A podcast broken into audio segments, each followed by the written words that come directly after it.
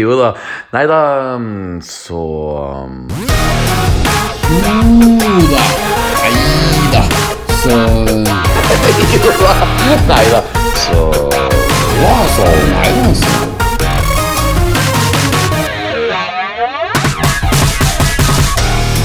Jo da. Nei da. Så Jo da. Nei da. Så. Yo, yo, yo, Yoda! Nei da, så Ja, det er navnet på denne podkasten her. Ikke Podrace, ikke Outcast, men en podkast der, altså. Og ikke bandet POD. Ikke bandet POD. Boom! Here comes the Exactly. Here comes the pun. Folkens, datoen er 28. oktober, og det betyr at det er bare to dager igjen til The Mandalorian season 2. Whoop, whoop. To dager. Mitt navn er Petter ja. Ikke sant? Mitt navn er Petter Aagaard. Det er altså den funky trønderen i denne Star Wars-duetten. Og lengre nede i landet, hvor det sikkert er litt varmere i lufta, altså O-Town, Aslo City, where the girls are pretty. Enter Mr. Pianoman, Mr. One Million Robots, Mr. West Side Story, Knut Løksum! Hello. Går det med deg? Hello there. Well, hello there. Hello there. Ja. Både Obi-Wan, altså både Evan McGregor og Alec Guinness sa jo den linja. Ja. Yes, sir. Yes, De sier den ganske likt òg. Hello there. Ja. Jeg føler likevel at Ewan McGregor har de som flørter at han er sånn he, Well, hello there. Altså, han, Ja. han er klar for en liten flørt. Som han faktisk fikk. Det er veldig mange som ikke vet, men Ewan McGregor som Obi-Wan Kenobi, eller egentlig ikke Ewan McGregor, men karakteren Obi-Wan Kenobi, hadde en liten flørt i Clone Wars. Husker du på det? Ja, I animasjonsserien, ja. Ja, ja, ja. ja, ja. He was a med- player. Ja. Med uh, such as um, ja, Duchess Oi. Sabine Nei, hva var det Oh, wow. It beats me. She was pretty. Hun var, hun var en animert figur, da. well, if you're into that sort of thing. Nei, det var, jeg, jeg, jeg må ærlig innrømme at eh, det var en veldig sånn frisk pust for at Ewan McGregor i prequel-filmene var egentlig veldig eh, sjarmerende. Og det at han skal liksom leve sølibat som en munk, liksom som en buddhistisk munk, det kledde han på en måte ikke. Så Ja. derfor var det bra at uh, Dave Filoni laga en liten uh, flørt for Ja. Kenobi i Clone Wars. Så det, det, det kledde han. Han er jo veldig sånn skoleriktig, Obi-Wan Kenobi. Han er liksom, han er sånn som har med eplet til Jedi-læreren. Ja, Ikke sant? ja. Eh, og det, så det var jo det litt deilig at han ga han den lille story-arken med hun Duchess Sabine, som hun heter, Yes, eh, yes, yes. i Clone Wars. For da liksom trådte han litt ut av eh, kodene til Jediene. da. Yes, yes. Og det var jo ikke det han var kjent for, eh, spesielt i episode fire. Så får du et inntrykk av at han eh, var eh, I was once a Jedi like your father. Eller sånn veldig sånn Ja, ja, ja, ja. Høflig bøtte. A certain Ja, from a certain point of view. Yeah. Care for some Det tea? var Ja, ja, exactly, exactly. Det var han komikeren Eddie Izzard det, som sa det som eh, It's the rebels, sir. They are here. My God, man! Do they want tea? no, I think they're after something different. They brought a flag. My lord, Klassisk britt. sister Ja. lord, are our speciality. Ja! Og du, det er egentlig en ganske teit setning. Det er jo skrevet av George Lucas. Du refererer nå til Revenge of the Sith, hvor Obi-Wan Kenobi sier Sith Lords are our speciality. Og han har jo ingen bra CV når det kommer til å knuse Sith Lords i det øyeblikket han sier det. Så jeg kunne ikke tatt mer feil, egentlig. Men for all del.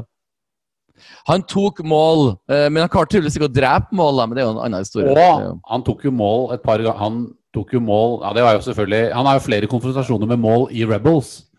Ja, ja. Eh, det er jo selvfølgelig etter det, da. Men han har også flere konfrontasjoner med mål i, i Clone Wars, animasjonsserien. Yes, sir. Yes, sir. Og han har jo en slags eh, historikk da med én Lord. Ja, ja, ikke sant? Det, det som slo meg med den eh, Darth Maul eh, i Clone Wars, du vet når han har uh, edderkoppbein i starten der, er jo at Ja. han er veldig Shakespearean. I talk very much, and it's very distinctive and very articulate, and bla, bla, bla. Mens i uh, Phantom Menace så er han bare At last, we will have revenge. Og du vet, det, Han ble veldig, veldig teatralsk i Clone Wars. Ja, det er sant, det. Egentlig en ja, en litt sånn annen karakter, egentlig, enn det vi ble introdusert til i Ja, han er litt mer, han er litt mer innbitt i, eh, Ja. i Clone Wars animasjonsserien.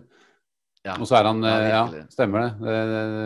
Det, er lenge siden jeg har sett det nå, men eh, det er jo, det er jo få som de, de, som- de som er casual fans, de vet jo ikke at Darth Maul dukket opp igjen, at han blir revived til Clone. Wars-animasjonsserien. Når han dukket Mm. opp igjen i den solofilmen, så var det bare det var de som ikke følger på Star Wars, de skjønte jo ingenting. Av alle franskmenn Ja, alle i Frankrike sa Quoi? det, det var liksom det, Jeg syns jo på en måte var et kult grep. For de har, gjort, de har gjort veldig mye kult med Maul i Clone Wars 1. Det var Noe av de kuleste tingene i Clone Wars var jo alt det som skjedde med Darth Maul. Det var Ja. sinnssykt tøft. Og Ja. Så nei, bare det, det er jo litt synd, da, spoiler alert, at han dør Ja. i uh, Rebels. For da kan du jo ikke bringe han tilbake til f.eks. Kenobi-serien. Og du har så rett, Mr. Knut Løksen. Og det, det, nå kom du inn på noe av det som jeg virkelig hadde lyst til å snakke om i dag. Ja. Når vi begynte å snakke noe om Darth Maul, er jo at i den for så vidt, og for øvrig fantastiske scenen hvor Darth Maul dør av å bli drept uh, once again av Obi-Wan Kenobi Når jeg så den episoden av Star Wars Rebels, så tok jeg hendene på kinnet og sa No, no, no, no! Save this for a movie! Liksom. Ja. For at eh, nå er det på en måte gjort. For at jeg så for meg at når det var snakk om en Obi-Wan Kenobi-film opprinnelig, så så jeg for meg at det der kom til å være klimakset på filmen. Mm. Og når eh, det var snakk om at det skulle bli Obi-Wan TV-serie, Mm. så tenkte jeg nok en gang det her blir jo klimaks på filmen, at Darth Maul kommer tilbake. Men they wasted that scene nå i animasjon. Wasted i den forstand at ikke mange nok folk får se det, for det er jo en helt annen type eh, antall mennesker som ser animasjonsserier enn de som ser filmer og ekte, altså ekte TV-serier av Star Wars. Mm. Så it's a little bit waste, akkurat som du sa. Så jeg ble litt lei meg at de eh, brukte opp den fantastiske scenen på Ja. animasjon. De har nok, de, altså, de har nok skjønt at det å bringe Darth Maul tilbake var eh, en Confusing. eh, Ja. Ja, ikke sant? Altså, det, det var noe du gjorde i animasjonsserien fordi at de veit at dette er gøy for hardcore-fansen. Og det, ikke, Mm. det, det vil være kanskje, kanskje et litt sånn eh, Et litt dårlig grep å gjøre hvis du skal gjøre det i en film, kanskje. Altså, det kan være tungt å svelge da, for en Ja. eh, casual fans, på en måte. De har nok Ja. tenkt at de liksom skal fullføre den arken innenfor animasjonsverden på en måte. Eh, men ikke sant, når de da seinere bringer han tilbake i solo, Mm. om på det. Exactly, exactly. Eh, de, har nå, um, bring, de har nå bringet han tilbake i live action-universet, og da, da er det jo Da ble det enda mer forvirrende, så de på en måte begynte Det virker som de har begynt å tenke at nei, vi skal bare ha han i animasjon. Og så har de liksom Mm. tatt han tilbake i eh, Så det, det var rett og slett litt, litt klønete. For det er en ganske Ja. episk scene, den, den, eh, den scenen med Obi-Wan Kenobi som da dreper Mm. Maul for andre gang. Og det er jo litt, Ja, ja. poetisk, litt poetisk, fordi han har, har gjort det en gang før også. Eh, Og, og, og for å skikkelig geeke ut, Knut Nå har du lov til å himle med Jan og flire, altså, men det er, jeg har til og med studert selve eh, The Lightsaber Battle, som foregår riktignok bare i tre-fire sekunder før Ja. Darth Maul dør. Og der ser du også en slags hommage til alle forskjellige um, Obi-Wan Kenobi-faser av hans liv. Fordi når han starter den kampen, så tar han lasersverdet sitt over hodet i en pose som han hadde bl.a. i Revenge of the Sith. Og, og så tar han den plutselig ned, slik som Alec Guinness holdt i sverdet. Og så har han en manøver som egentlig bare en gammel mann kan for det, det er jo ikke noe triksing. Det er på en måte en, også, det jeg egentlig prøver å si, at de har virkelig gått nøye med å få fram alle elementer av alle forskjellige Obi-Wan Kenobi-karakterer i den fire sekunders lange slåsskampen. Og Mm. det syns jeg rett og slett er litt kunstnerisk, for at folk nerder som meg da legger merke til disse, det, disse små detaljene. Og Det er mm. good, good Ja, det er, eh, akkurat det har jeg ikke Det er en stund siden jeg har sett den nå, men jeg husker den scenen veldig godt. Fordi at det, spesielt fordi at Darth Maul har vært på utkikk etter eh, Vært på leting etter Obi-Wan Kenobi så lenge i Rebel-serien, og de har hatt flere konfrontasjoner i Clone Wars da etter Phantom Menace. Eh, eller mellom uh, si, Attack of the Clones og Revenge of the Sith. Da. Og eh, den fighten med Obi-Wan er jo så kort. Ikke sant? Han, Ja, han, han ja. har så mye tid og ressurser på å komme fram til dette Ja. eh, defining moment Og så Ja. blir han bare kjøtta ned av Obi-Wan Kenobi på Det varer i to, tre, fire sekunder, liksom. Ja, ja, ja. ja det. Og det er jo egentlig ganske smart, for han er tross alt en gammel mann, eh, Obi-Wan, eh, akkurat i den fasen her av livet sitt. Mm. Og det har blitt dumt hvis det har blitt en sånn en ny sånn en uh, Mustafar-battle scene à la Anakin Ja. Obi-Wan. Altså, Men, men det, ja. det det blitt, ja, Jeg må, jeg må skyte inn også da eh, For det er ikke bare den fysiske, den fysiske delen av den scenen som er så bra, det er jo det siste som skjer, som er det Ja. kanskje det beste. Ikke sant? Hvor, Mm. Maul og Obi-Wan Kenobi Ja. come to terms. Eller de, han, blir, Ja, ja. han blir jo at peace. Eh, Maul på slutten er og sier til Obi-Wan Kenobi 'avenge us'. I det øyeblikket så innser jo Maul at han har bare vært han har blitt utnyttet hele livet av spesielt av Palpatine, da, som er jo en manipulator. Han er jo en bruk og, bruk og kast Sith Lords-type mentalitet. Mm. Mm. Og det Maul sa på slutten der da, det var veldig sterkt. For han har, en, han har jo da hatt en kjempelang story arc, som mange ikke veit om, da, Mm. selvfølgelig, for ikke følger på animasjonsseriene. Men den arken hans er utrolig kul. Det er jo verdt å se Clone Wars bare for den, egentlig. Og Rebels, da. Mm. Så at de la inn den lille setningen, eh, eller den lille dialogen på slutten av den Ja. fighten, Ja. det var sånn typisk det er, det er sånn Star Wars skal gjøre. Det skal ikke bare være visuell støy, på en måte, eller visuell nei. eh, staffasje. Det skal være, det skal være liksom familiebånd og, og vennskapsbånd og eh, drama i forhold no, no, ja, det skal ligge noe dypere i bunnen, liksom. Ja, ikke sant? Og han, han blir på en måte rede Han blir litt redeemed, rett og slett, eh, Darth Maul på slutten der. Avenger. Sant? Han, han, han er jo en force han er jo en force users, for force Mm. user på, på lik linje med Obi-Wan Kenobi, så de har jo på en måte en. De, de knytter et slags bånd helt på slutten der, da. På- En annen ting som eh, også foregår i akkurat den samme scenen, er jo at Og nå omformulerer jeg hva som blir sagt, bevisst. For Mm. at eh, han eh, Darth Maul spør liksom sånn Så den personen du passer på her på planeten, De er liksom Jesusbarnet, liksom? Altså Ja. The Chosen One? Og han bare Yes, liksom. Så, så det er på en måte sånn eh, Da, da forstår han også for, grunnen for at Obi-Wan er så bestemt på at uh, han skal Ja. få til den jobben her. Og det, det er veldig eh, Det er jo litt sånn spirituelt og religiøst, og det, det, det klær scenen, føler jeg. Det Ja, det gjør det. Det er gir jo en liten, den gir jo en lite hint, eller en liten nod til originaltrilogien, da, hva den dreier seg om. Det at, det har, at Ja. det virker som mål da på en måte skjønner litt den eh, questen, eller det korstoget Obi-Wan er på nå, da. Det er jo å beskytte ja. Luke på Tatooine. Ja. Mm. Så eh, Nei, Det, er jo litt artig, da. Litt fanservice når eh, neste minutt så ser vi en bitte liten ung Luke på sikkert ja. sånn uh, syv år som springer der og Luke, Luke liksom. ja, Jeg, ja. jeg syns det var vakkert der. Det var helt OK å ha det med. ja, ikke sant. Men Vi må ikke se bort ifra at det kan skje også på Obi-Wan-TV-serien. At det kommer en liten Luke, Luke. Ja, ja, ja.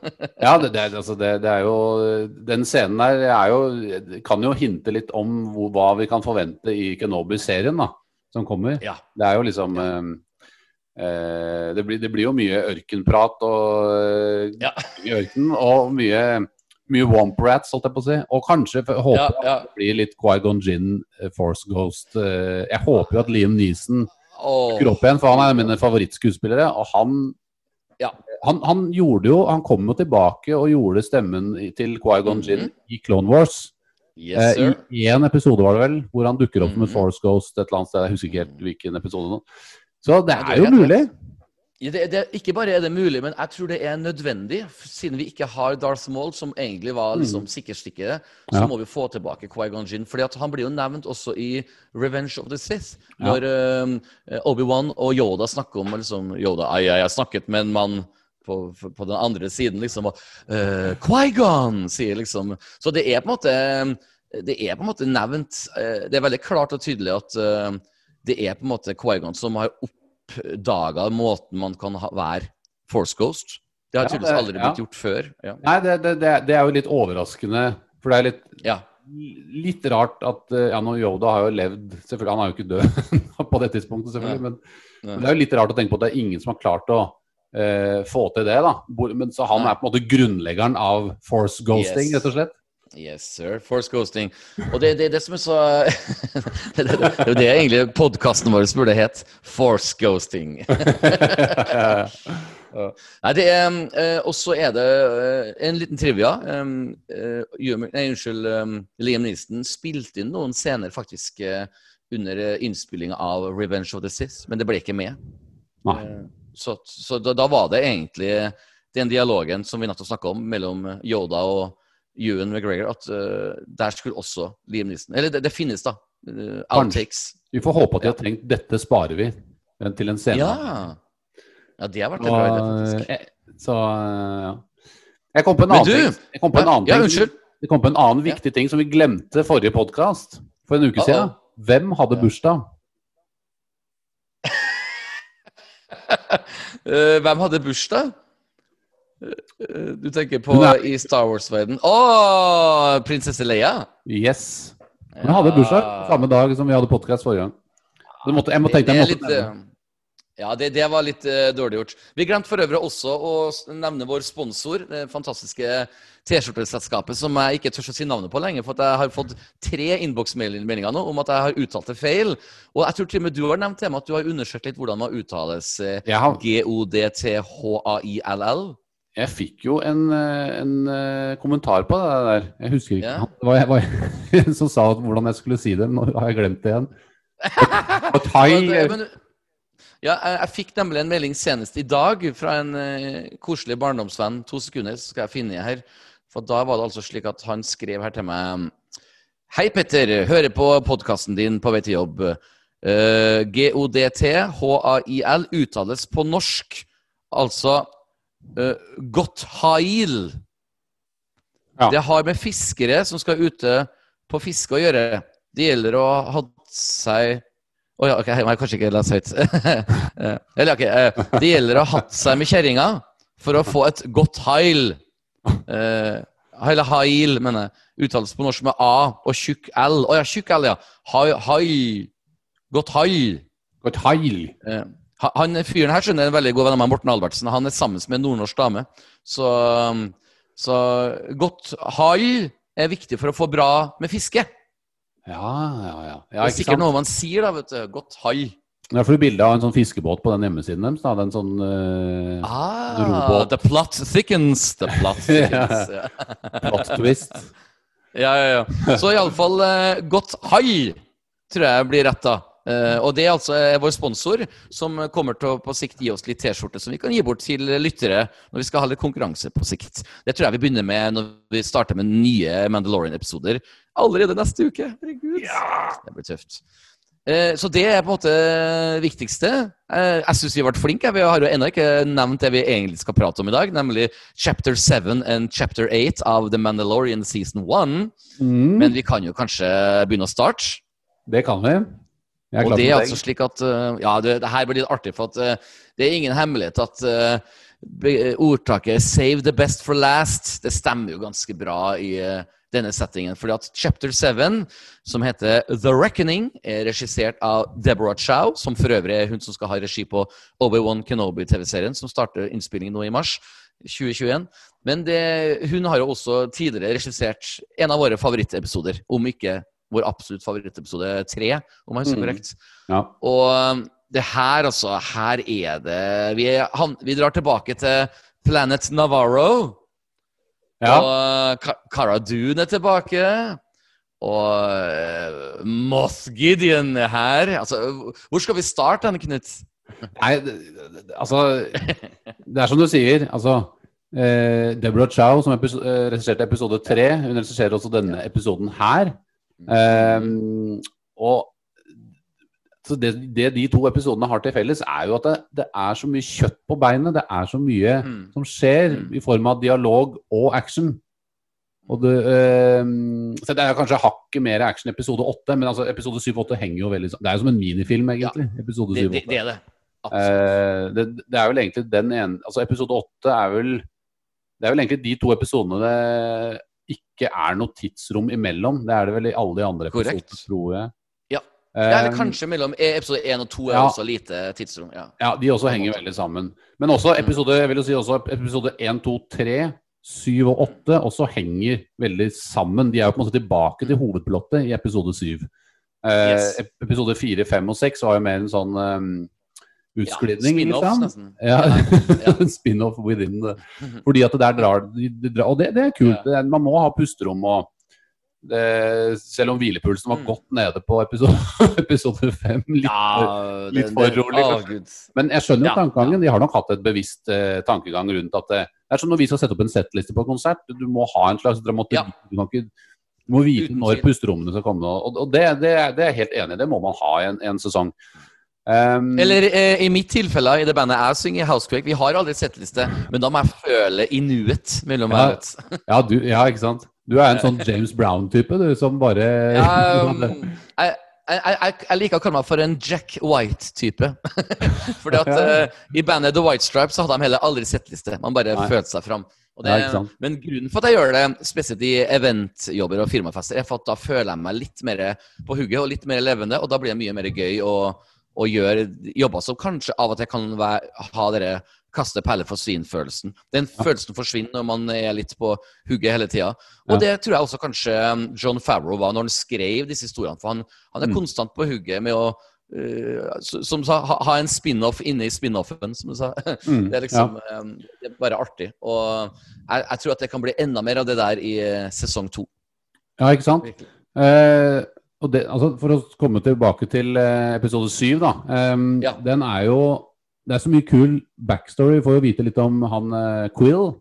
Han uh, Yes. Ugnotten vår. Han har jo en veldig Dette er jo hans, vil jeg si, høydepunkt uh, i eh, sesongen, da.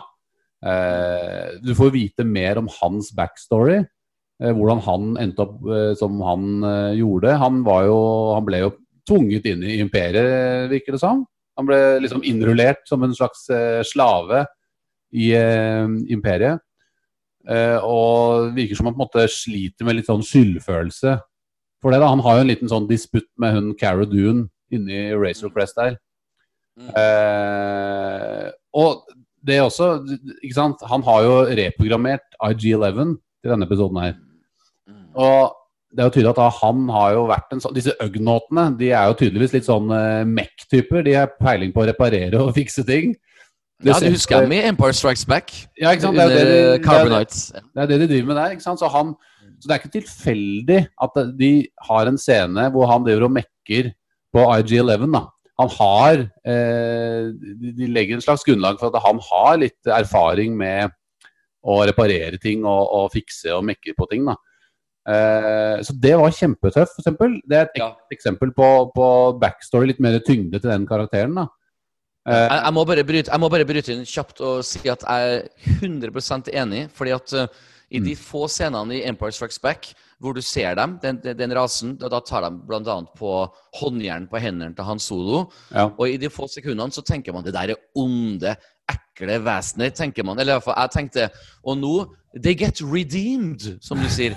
Det, det er litt gøy, for det er jo for Nick Nolte sin, sin stemme uh, til den karakteren. Og det, du, du hører at det her er en øh, person som har hatt et tøft liv, og du virkelig, virkelig får uh, kjøtt på beina på en, en, en, en, en, en alien da, som du aldri har visst noe om. Og du virkelig Det blir, det blir en av de beste karakterene i hele se- serien. Ja, og det, det, det, er akkurat det det blir. Og de, de, de gir jo Baby Yoda til Quill. Og eh, stoler jo på at og, altså gir han hele det oppdraget med å frakte Baby Yoda tilbake til skipet når de innser at de er litt i trøbbel der.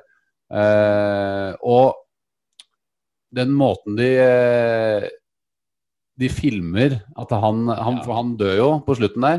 Ja, Man får, man får jo aldri se at han dør, eller at han blir skutt. Ja. De, de gjør det på en litt, litt mer poetisk måte, rett og slett. Ja. Du ser, Det er en ganske kul scene når, når um, Mando og de andre er, de er fanga inni den bunkeren, eller inni den um, kantina der, eller hva det er for noe. Kan, ja. Mm. Og så parallelt med at de eh, har en sånn standoff der, så kutter det jo til at eh, Quill rir på eh, øg... Nei, på hva heter den igjen? Blurgen sin Uh, yes, yes.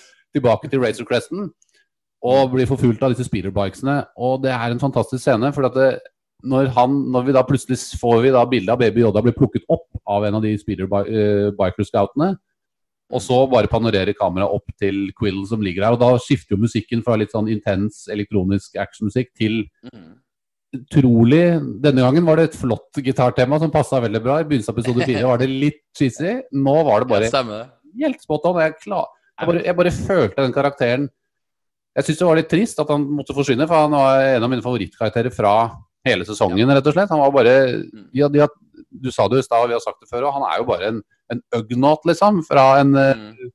en Mm. underground tech engineer fra Cloud City-rasen. Mm, mm, mm. I Bespin. Ja. i Bespin.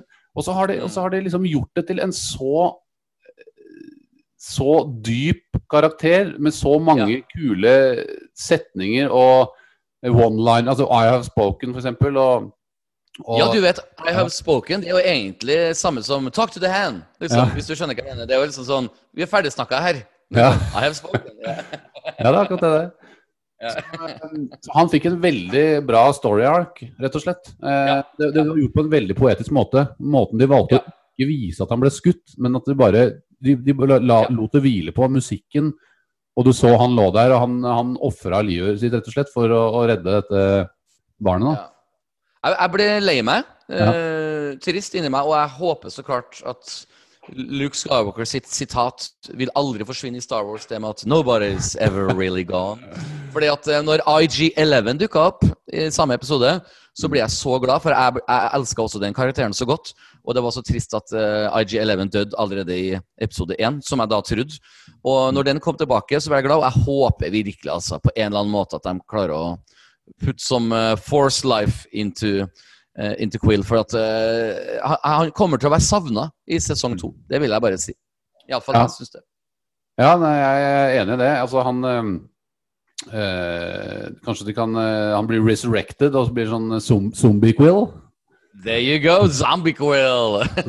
men du, en annen ting som også er litt artig, ikke artig da, men fascinerende med episoden her, er jo at nå får man liksom virkelig vite i detalj hvorfor Mando hater droids, for det har på en måte ligget liksom litt i Ja. eh, løst eh, i alle episodene. I don't want no droids, liksom. Mm. Og vi har jo så klart skjønt at det har vært noe traumatisk der, og det, vi får jo virkelig vite liksom at eh, det var jo droids fra eh, Altså fra prequel-æraen, da, for å kalle det for det, som uh, tok livet av hans foreldre.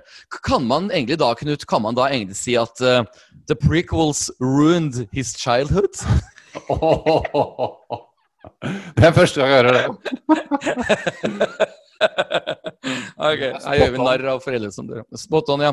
ja jeg, jeg, vi snakka så vidt om det for en tidligere episode, men det er så deilig å se når vi ser altså, disse tilbakeblikkene fra uh, prequel-æraen, og vi ser altså disse store battle droidsen i bedre eh, CGI, enn det, vi har Mm. sett, ja, enn det vi har sett i animasjonsfilm. Det ga meg litt frysninger. Og plutselig så likte jeg prequels-æraen litt bedre. Ja, men det er, det er det de klarer å få til, da. Altså, Mm, mm. Den, den flashbacken som du nevner når du ser den droiden, det er vel i episode åtte, eller er det i syv? Og jeg tror det er bitte litt av begge deler, men mest i åtte, ja. Det er, mest, det er vel i åtte du får se Men, men det, det er fint å snakke om det. Men det, det som er Ja. kult om det, med det, er jo det at, eh, at eh, Ikke sant De battle droidsene fra mm, Clone Wars og fra prequel-filmene Ja. De er jo litt sånn barnslige og, og Mm, tullete mm. og Roger, Roger det er, og ja. Forfeilig. de, de, de, ja, ikke sant? Og de, de også tuller med R2D2 i Range of the Sith. også. er det to sånne super battle droids. Nei, det er Astromech droid, right? Ja, ja. ikke sant? Det er, det er sånn slapstick droids, liksom. Ja, ja, ja. ja. Mens Du, blir, du er ikke redd dem? Ja. Nei, ikke sant? Du er ikke redd dem i det hele tatt. Mens her Mm. så vi- de, de snur litt på det, og så gjør de litt som episode fire, ikke sant? Eh, ATST-en der. De gjør det mer til en litt sånn skummel karakter. Du får sett det litt sånn i et nytt lys. Og det, det, det funker utrolig kult. Man får jo litt, rett og slett litt sånn ah, Prequelsene, faen, de var ja, ja, ja, de var ikke gærne, liksom. tenker man. enig. Og det, det, det, det er et genialt grep. For det, det, er, klart, det, det var jo masse Det var jo krig på den tiden, og han um, har tydeligvis da uh, vært in the thick of it. Og familien hans ble jo drept, selvfølgelig, av disse battle droidsene. Og så ble han jo da reddet av andre Mandalorians. Og så får de også, etter min mening, også en utrolig kul, stort sett i sakte film, Ja. action-sekvens med klonetropper som eh, angriper disse battle droidsene. Utrolig kul scene. En av de kuleste Mm. egentlig actionscenene i hele sesongen. Fordi at det er en sånn, De har bakt det inn i et flashback. Eh, og det, det, det kler hele den scenen utrolig bra.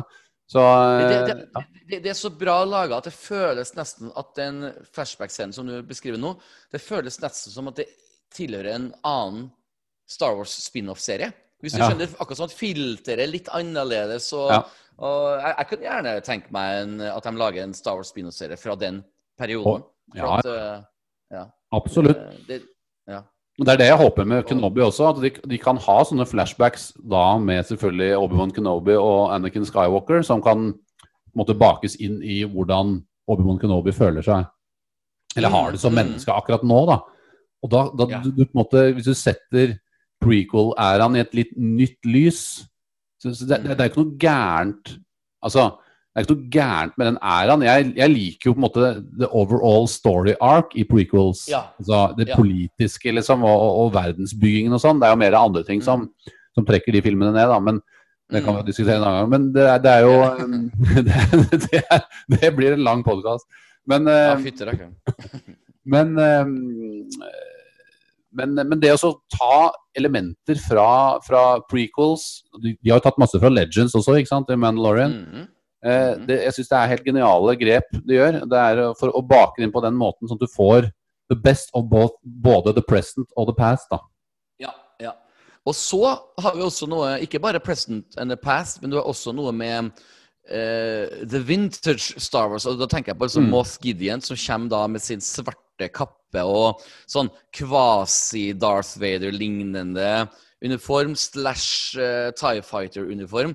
Ja. Jeg liker at de plukker elementer, altså visuelle elementer, av, eh, av For det, det er jo på en måte en Darth Vader uten hjelm som, som kommer der. Og entrer med sin Tie Fighter, og du får se hvordan Tie Fighteren lander, som vi for så vidt aldri har sett før. Og det, jeg, jeg sluker det der rått. Og det der er jo alltid det vi snakker om fanservice, når det funker og ikke fungerer. Det her fungerer. For at vi får se noe nytt inne i det universet som vi allerede på en måte liker å være i.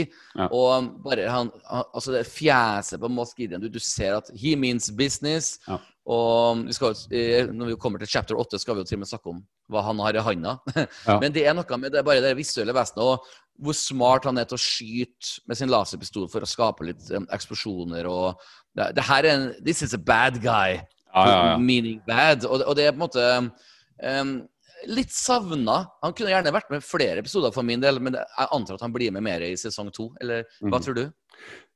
Ja, altså, jeg, jeg håper virkelig at han, han, de ekspanderer hans rolle. fordi det, det som er så Mm. kult med, med han eh, Moff Gideon, er spilt av Giancarlo Espa, Espacita, Ja. eller Espan? Fra, fra Breaking Bad? Ja. Ah, Han, han, eh, altså, de etablerer han jo bare på en sinnssykt fet måte. For de, du har jo den, også en kjempekul scene med Mando, Grief Carga og um, The Client, altså Werner Herzog. Mm. Åh, Eh, hvor han, han sier så mye kule ting. Der, der også er det masse kjøtt på beinet i, for, i form av dialogen. Ja. du, der får du vite litt om eh, Altså, The Client, altså Werner Herzog. Vi får aldri vite navnet hans sammen. Eh, Nei. han, eh, ikke sant? han snakker om hvordan imperiet tok over Mandalore. Og han mener jo også at det bare er kaos i verden Ja. nå. Ikke sant? Hvor han Mm. snakker til Mando om, eh, om eh, Ja, hva syns du egentlig om verden er nå? Er det egentlig noe bedre enn sånn som det var før? Ja. Imperiet forbedret alle galaksene liksom, som de var borti. Ja. Han har jo klokketro på at imperiet er det rette for verden. da. Eh, så de tror jo de på en måte gjør det riktige, disse gutta. Ja. ja. Eh, men ja. for å komme tilbake til Nå skal jeg litt ut her. Men han eh, Nei, nei, ja, det er veldig bra. etablerer jo da Werner Herzog Nei, jeg mener Moff Gideon. Så Ja. kult, for han tar jo bare rotta på hele den lille eh, gruppa med Stormtroopers og Werner Herzog. Så han har jo virkelig målet hellige midlene. Altså han, han Hvis ikke de gjør jobben sin bra nok, så bare knerter han folk inni sine egne ranks. Altså Det er det bare Ja, ja, ja, ja, ja. null. Det er fullstendig nådeløst. Så, nå, så det, Ja. det er det første du får vite om eh, han eh, Det er ikke tilfeldig at Ja. de gjør det. Det første du får vite Ja. om han, er at han knerter sine egne folk for å nå målene sine. Og, Og- og når, nå når den TIE Fighteren ja. kommer, når den, med de vingene, det har vi aldri sett før, de vingene som, som eh, folder sammen der Mm. det var, That entrance, det var en entrance. Og så den musikken dum, dum, dum. Det er noe med at eh, jeg må bare si noe kontroversielt. At den scenen du beskrev med Herzog, at, at den ble bare knerta Jeg både elsker og hater Ja. den scenen. Fordi at eh, jeg, jeg elsker for du får inntrykk av eh, hvem Moss Gideon er. He, he don't fool around, he don't mess around, he just do things. Men likevel så føler jeg at eh, Herzog sin karakter, The Client Hvert eneste ord han sier, er jo en meme. Altså, du Ja. vet sånn, Alt han sier, er jo på en måte et sitat man kan bruke. For det er så majestetisk uh, tilstedeværelse på den skuespilleren. Can I det offer det you a libation to celebrate the closing of our shared narrative? Exactly! Vet du hva? Jeg får frysninger bare du gjenforteller, liksom. Det, bare du siterer, så er det bare bra. Og derfor må jeg da si at jeg synes at han dør på en superkjip måte. At jeg bare sånn Jeg skjønner at det var litt sånn eh, sucker punch til oss som ser på at Oi, boom, he's gone! Men for meg så var det en litt Det føltes litt feil måte at en så mektig karakter eh, som har, vi har fått et eh, fascinasjon av, skal plutselig dø på en så kjip måte. Ja. Men det var vel noe elementer der som ikke jeg fikk med meg. Som du nettopp sier, at uh, We don't care. Moth doesn't care. He, but he just kills them all. Så jeg, jeg syns det var trist å miste han så uh, Ja, det var jo kjipt å, kjedelig, mis på en kjedelig kjipt å miste Werner Herzog, for han var jo perfekt eh, Imperial Ja. Officer. Altså det, det, det, det Ja. er null tvil om. Eh, men Ja. han, eh, men jeg, jeg følte at det, det var liksom Det kom så brått og brutalt. Da. Så det var han Moff Gideon Ja. gjorde det med fullstendig overlegg. Her hadde ikke Ja, han og det- Ja. Og det er jo den biten jeg elsker. At det Ja. var gjort rett in your face. Men så hater jeg som sagt det faktum at, eh, at en så fantastisk skuespiller drar på settet og, og sier sikkert at regissøren Deborah Chow So how will I die? Uh, eh, you just die. Oh, oh, ok. Altså, du vet sånn Det er ingen sånn eh, til, til og med i Batman-filmen, vet du, The Dark Knight Rises, når hun dattera til uh, Ras Al Ghul dør, så får han en liten sånn tale først. da Hey, do this eh. Det høres så teit ut, og så teit ut, men det er bedre for film å få en litt sånn uh, siste tale. Han, Ja. Altså, Herzog burde fått ett- en setning til. Run! Eller noe sånt. Ja, ja, ja. ja, ikke sant? Eller, eller, eller, eller kanskje han skulle ha sagt Fuck! I cannot fucking die now. Yeah. I have too much work left Ja. to do. Ja. Fuck! han, han, det som er interessant med Werner Herzog, er at jeg har hørt at han eh, er jo en type som Han er jo regissør også. Han har jo lagd masse ja. Filmer. Det er jo litt viktig å få med. Han, han er jo en fyr med veldig mye tyngde eh, og veldig mye erfaring og kunnskap. Og han er visstnok eh, ganske ivrig på settet og i forhold Mm. til det også eh, designe sine egne Eller skrive sine egne linjer, eller omformulere Ah. ting som har blitt skrevet. Du merker på at alle ting han sier, er hakket mer sofistikert enn alle andre i serien. Det er liksom oh, Gud. Han har jo også den derre It is amazing how beautiful Beskar can be when forged by its ancestral artisans. Ja, det, det, det, det er Det er så helt pompøst, vet Han, du. han, han legger på altså, Vi må få en ny Herzog-kvalitetslignende skuespiller i sesong to. Ja. For at eh, det løftes så opp. Og dette er som jeg snakka om vet du, med Mando! Everybody's here! Det er sånn, Ja. Det er så enkle ord mange av de andre skuespillerne sier.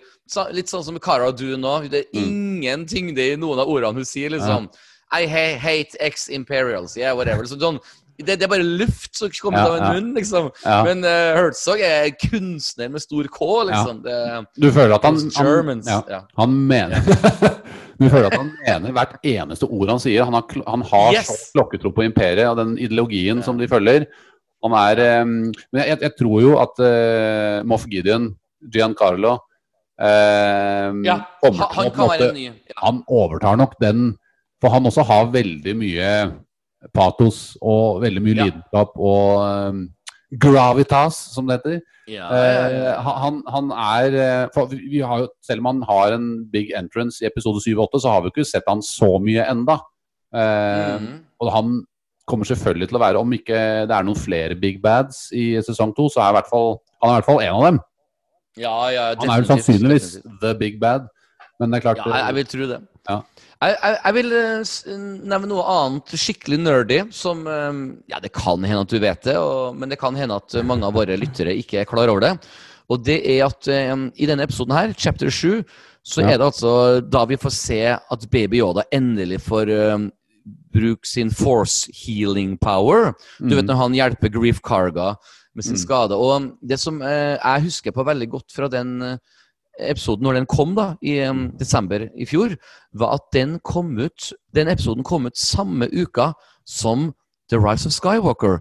Og det var Mm. ikke med tilfeldighet, for det er også i Rise of Skywalker vi får oppleve for første gang force healing. Ja. Så det her er rett og slett et samarbeid mellom Lucasfilm The TV Series og Lucasfilm The Movie Apartments. Og sånne type detaljer elsker jeg. da, For at eh, jeg rakk jo å se Baby Yoda i bruk force healing Ja. før jeg så Russell of Jeg bare ah, når jeg så filmen. Så det var liksom litt sånn eh, eh, artig. Selv om jeg, når jeg så det Russell of tenkte jeg også Damn, they could have really used this force healing uh, earlier in, in these, pre, uh, these uh, movies. For det er mange ganger folk blir skada og man trenger det, hjelp. det var liksom Men det er veldig interessant. Det story Det var liksom Rise of Skywalker så hadde de vel stengt litt storygruppa ute, men jeg, nå, nå, nå, fikk jeg, sånn- nå fikk jeg et bilde av at liksom storygruppa de klarte å liksom trenge seg litt inn på settet. Ja. We, we, we, want four ceiling, Yeah. and, uh, can we have four ceiling here? So, so, so, so, i- so the fans i- can just think or maybe believe that we actually work together. yeah, yeah, sant? Because we're not on speaking terms. Det er sånn Jagland mot eh, Stoltenberg. Det her liksom uh, forskjellige lobbyer liksom i 1996 hvor de diskuterer Ja, hvem som skal bli statsminister. Men, eh, men eh, det var, det var sånn dagens nyheter. Jeg leste VG før vi starta podkasten. men det er, som du sikkert husker på, i chapter 2 så prøver jo Baby Yoda å forceheale Mando. Men han blir dytta bort, og, eller ikke, ikke dytta bort, men i hvert fall båret bort i, i, rett før. Så det er en veldig sånn fin episode. At um, vi får endelig se at Baby Yoda har uh, interessante um, krefter, ja. Uh, Ja, virkelig. Har du lagt merke til at eh, Baby Yoda, han um, Eller hun, han, det er vel en han? Eh, eh, de sier he av og til, har jeg Ja, merka. de sier, ja ikke sant. Eh, eller han, han uses the force det er, Han gjør jo aldri det når han er aleine, han gjør det alltid bare når han er sammen med Når Mando er i nærheten. Jeg vet ikke om det er en tilfeldighet, eller om det bare er Det, det virker som på en måte han, reager, han liksom De instinktene vekkes litt i live når Enten når Mandow er i trub, trouble, eller, altså trøbbel, yeah. eller om det er noen andre yeah. som er i nærheten som uh, er skadet. Han har jo brukt force én gang når han skulle heale Mandow, Mando, og så var det den gangen med The. Mudhorn. Og så var det med um, Grief Karga, som healer. Og så episode åtte. Så det er fire Ja, ganger. ja, ja. ja. Alle gangene blir han kjempesliten etterpå. Da. Så det er klart at it takes a toll, virker det som, på, uh. På Baby Yoda. Han, Men han, eh, du, du, du, unnskyld å avbryte, du glemte av én force power han bruker i chapter 7. He force chokes Cara ja, ja, ja, ja, ja. Den, den er, ja. Og det er også, ikke sant Han bruker det han, han bruker det når Mando han tror at Mando er i fare, liksom. Det er da han Ja, eh, ja. Det, det er fantastisk. Det er fantastisk. Men han har aldri brukt det når han har vært alene. ikke sant? Han har jo blitt tatt til fange Eller han har jo, Imperiet har jo hatt han en liten stund. Han var sammen med den der droiden, som han selvfølgelig ikke kan force-choke. da. Så han har hatt flere Ja. muligheter til å use the force alene, men det har han ikke gjort. Om det bare er tilfeldig, eller om det er, eh, Mm. eller om det er en slags mening bak det.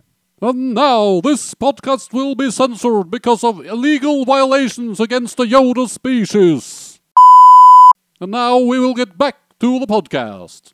Uh, jeg, jeg, kan, jeg kan skippe fort et nytt tema. Vi har en Darth Maul-rase med i episoden her. En Zaprak. En Zabrak, ja. Og, han, ja, og da ser du at det er tatoveringer på fjesene, så det er ikke en Sith-tattoo-greie, som jeg alltid har tenkt. Uh, altså, det er alle uh, Sepracker, altså alle i Darth Maul-rasen, har tydeligvis litt tatoveringer. Det er ikke bare liksom Maul Nei. som gjør det, og det var litt artig. Uh. Nei, altså, eh, Sab- Sabrak-rasen de har også noen forskjellige underraser. Jeg har også faktisk eh, Ja. lest meg opp til, nå er vi inne i geeky-land her, at de faktisk har to hjerter. Oh! Det, det, det er jo helt vilt. Ja, eh, så mm, Men ikke sant, de, eh, de lever de, de, de, ja, de klarer ikke å praktisere monogami. Nei, ikke sant? De, de fins jo Nei. De eh, Og de vitsene dine, de setter meg ut. da. Den dype Star Wars-låren blir eh, Ja, ja, ok. Nei, men eh, eh, hva er det så, Jo, ikke sant? Altså, Sabrak-rasen de, de eksisterer visst på forskjellige planeter. da. Blant annet for Ja. Dathomir Hvor de da var Mm. Night, eh, Der eksisterer de som Night Brothers, hvor de Mm. eh, ligger litt under Night Sisters. Dette, her, dette eksisterer jo i, også i det spillet, eh, Ja. Jedi Fallen Order. De, der er det masse Sabracks og utrolig kul, ganske mye kul storylines med, med dem. Og Night Mm. Sisters og sånn, som vi også ser i, i Clone Wars. Um, ja. Men det er, det er jo der de møter Kyra Dune igjen, da, hvor de plukker opp Ja. henne igjen. Han vil jo sette sammen et lite team der for å Ja. Og, og det der må jeg si noe kanskje ikke kontroversielt, men jeg syns det var et koselig gjensyn med Cara Mm. Dune. Jeg har på en måte blitt litt sånn storebror til den skuespilleren. Jeg, jeg føler at jeg heier litt på henne. Fått, uh, Mm.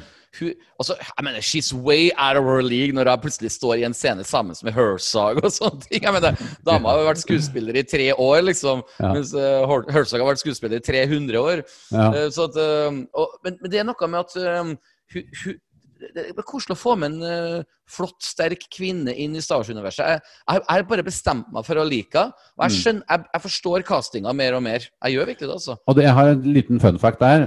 Har du sett forresten eh, de uh, behind the scenes Mandalorian-episodene som ligger på Disney Plus? Kun episode én, så Ja. at jeg gleder meg veldig til fortsettelsen. De er kjempebra, for at det er jo litt sånn Ja. eh, Regissøren og skuespillerne sitter rundt et bord. Det, er ikke, det er ikke sånn Ja. bak kulissene-filming hvor det Nei. bare er intervjuer på sett og sånn. Det er alle de sitter Mm. og har en samtale om sine opplevelser.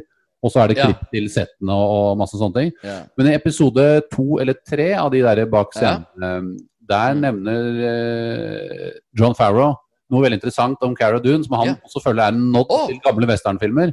Og det er det at i, i gamle westernfilmer så brukte de ofte ordentlige cowboyer til å gjøre stunts, til å gjøre hva skal jeg si, Ah, cowboyting, Ja. altså kaste lasso eller ri på hest og gjøre actionscener, hoppe fra hesten til Mm. en, et tog eller til en vogn eller whatever.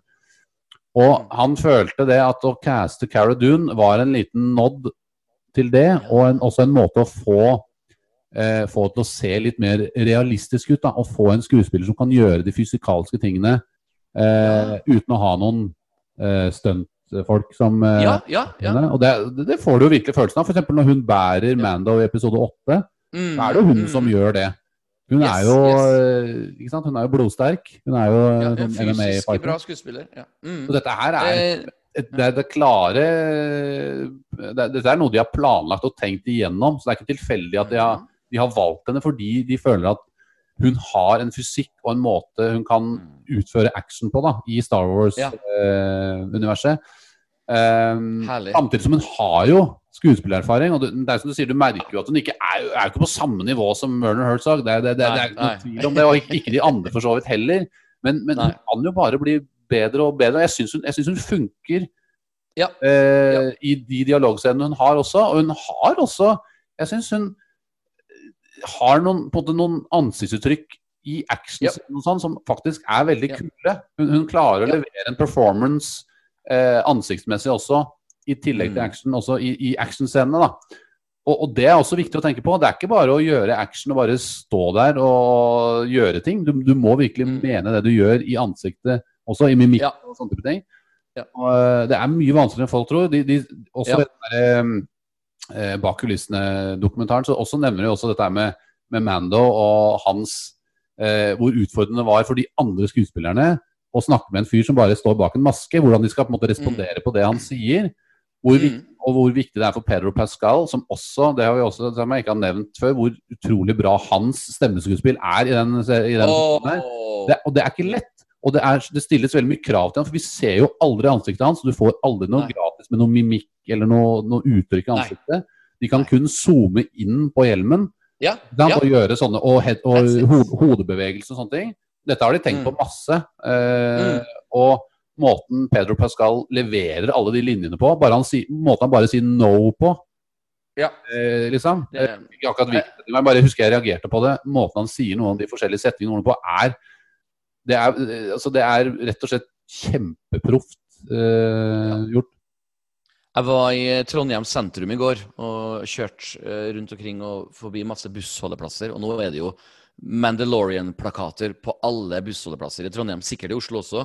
Ja. Og det som slo meg for første gang egentlig i går, var at um, ikke bare er det en internasjonal poster Men det er, det er akkurat det du snakker om, det med den skuespillerbiten med å zoome inn og ut av hjelmen. Mm. Det gjør jo faktisk hele TV-serien The Mandalorian til Ja. eh, at den appellerer til alle land i hele verden. For man Mm. kan i teorien dubbe så klart over til russisk hvis man vil det. Mm. Og alle barn i hele verden vil få et forhold når det er så mye um, aliens og hjelmer og Mm. forskjellige raser. Så det er Mm. egentlig potensielt potensialet til å bli en av de største TV-seriene noensinne pga. at den appellerer til alt og alle. Og det Ja. Så ungdom stirre på plakaten og bare tenke wow. Liksom, du Men han ser jo dritkul ut, ikke sant? Altså, s- øh, det, nå kommer jeg tilbake til den dokumentaren igjen, da, men Ja.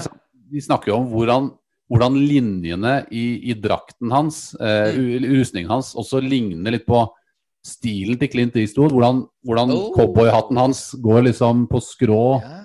Og det er liksom linjer i utstyret hans som på en måte liner opp med resten av kroppen, måten øynene Altså, det er noe med estetikken der som er litt, litt det samme. Ja. Ja. Og det, det, det, er, det er så gjennomført. Altså, men han ser jo så badass ut. Altså, når, Ja, ja, ja. Når, når han kommer ut En av mine favorittscener er når han kommer ut av døra i, Nå hopper jeg til episode 8, da, men når han kommer ut av døra i episode 8, når ja, G11 har kommer på sin liten rampage med Baby Yoda der, og så ja, vi, kommer tilbake til episode 8, da. Ja. Men, Ja. men han, han, han kommer ut av døra og leverer noen sånne actionscener hvor han tar pistolen under armen og skyter til høyre Ja. og bunker ned noen stormtroopers. Han, han Mm. ser så sinnssykt badass ut.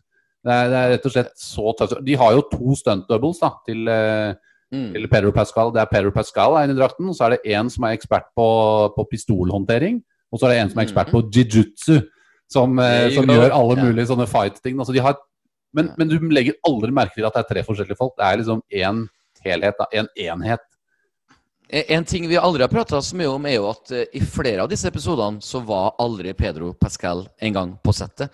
Så flere av disse regissørene har aldri møtt den eh, fordi at han eh, var ikke nødvendig. For han gjorde som sagt vo- voice work, og så Ja, dukker ja. han så klart opp i chapter 8. Men Ja. det har folk reagert på og blitt irritert over. Men hvorfor bli irritert over noe man opprinnelig ikke visste? Hvis du skjønner hva jeg mener? Det er jo Nei, nei, nei, nei. This is movie making. It's movie magic. Det samme er det med Darth Vader. Altså han, eh, Ja, James, ja, ja, ja, ja. Hans, James Earl Jones var jo aldri på settet. han, var, han var ikke det. But God, he eh, improved on that character. Altså, Samme som Boba ja. Fett, spilt av tre forskjellige karakterer. Ja, ja, ja. En liten trivia faktisk om uh, Cara-skuespilleren. Så Ja. du, du nevnte at hun var veldig atletisk og flink, og det er jo en stor pluss. Da skal jeg fortelle at uh, måten de kasta Hayden Christensen til Attack of the Clones, var at når det sto mellom han og fire andre skuespillere til slutt, så var på en måte alle like flinke med skuespillerbiten, men Hayden Christensen var overlegen på det fysiske. Og det var så viktig, for eh, du ser jo egentlig på Attack of the Clones og Revenge of the Sith hvor utrolig tilstedeværende han er i slåssescener og Ja. fysisk hopp.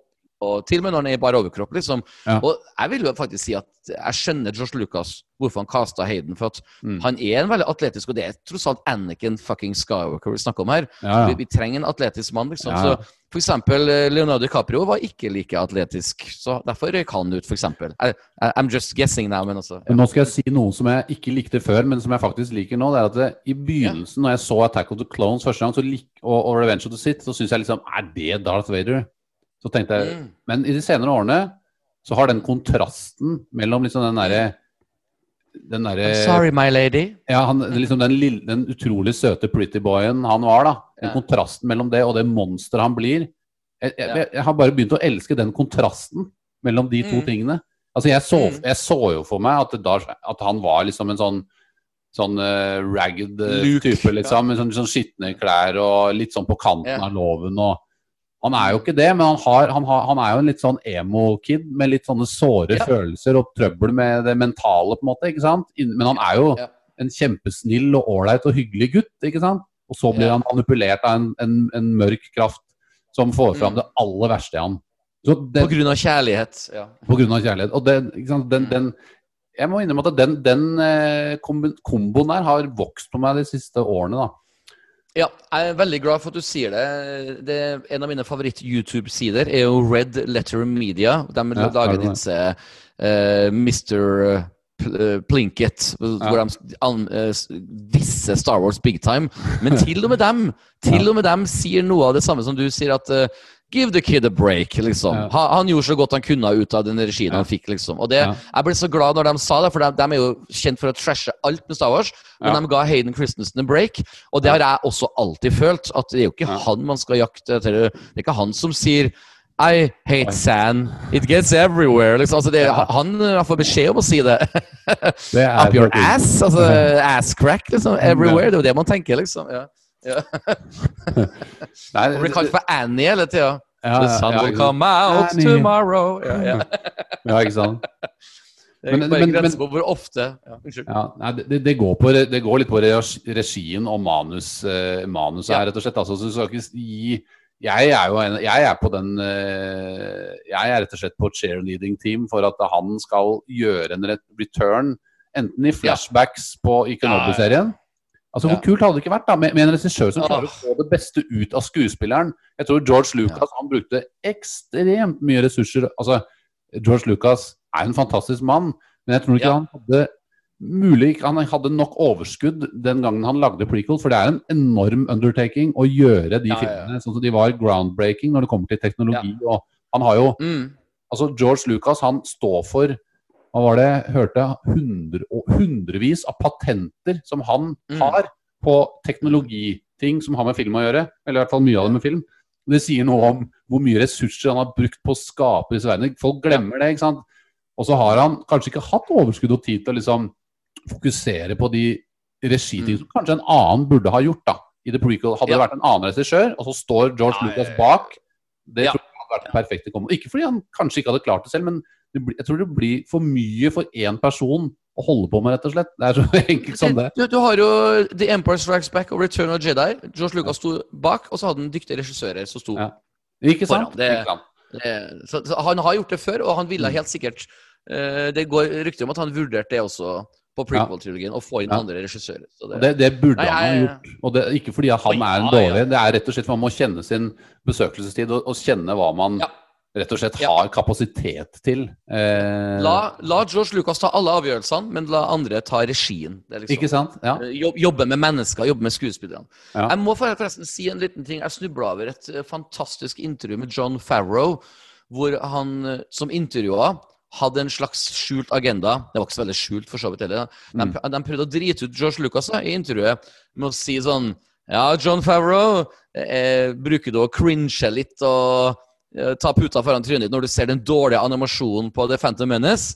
Og da svarte John Favreau bare helt fantastisk. I'm paraphrasing, men han sa liksom at du må vite at i 1999, da den filmen kom ut, så var det disse eh, teknologiduppedittene man hadde å jobbe med, og det er takket være dem, den teknologien, at jeg nå 20 år senere får til å lage The Jungle Book og Lion King og sånne ting. Så han hadde bare ros.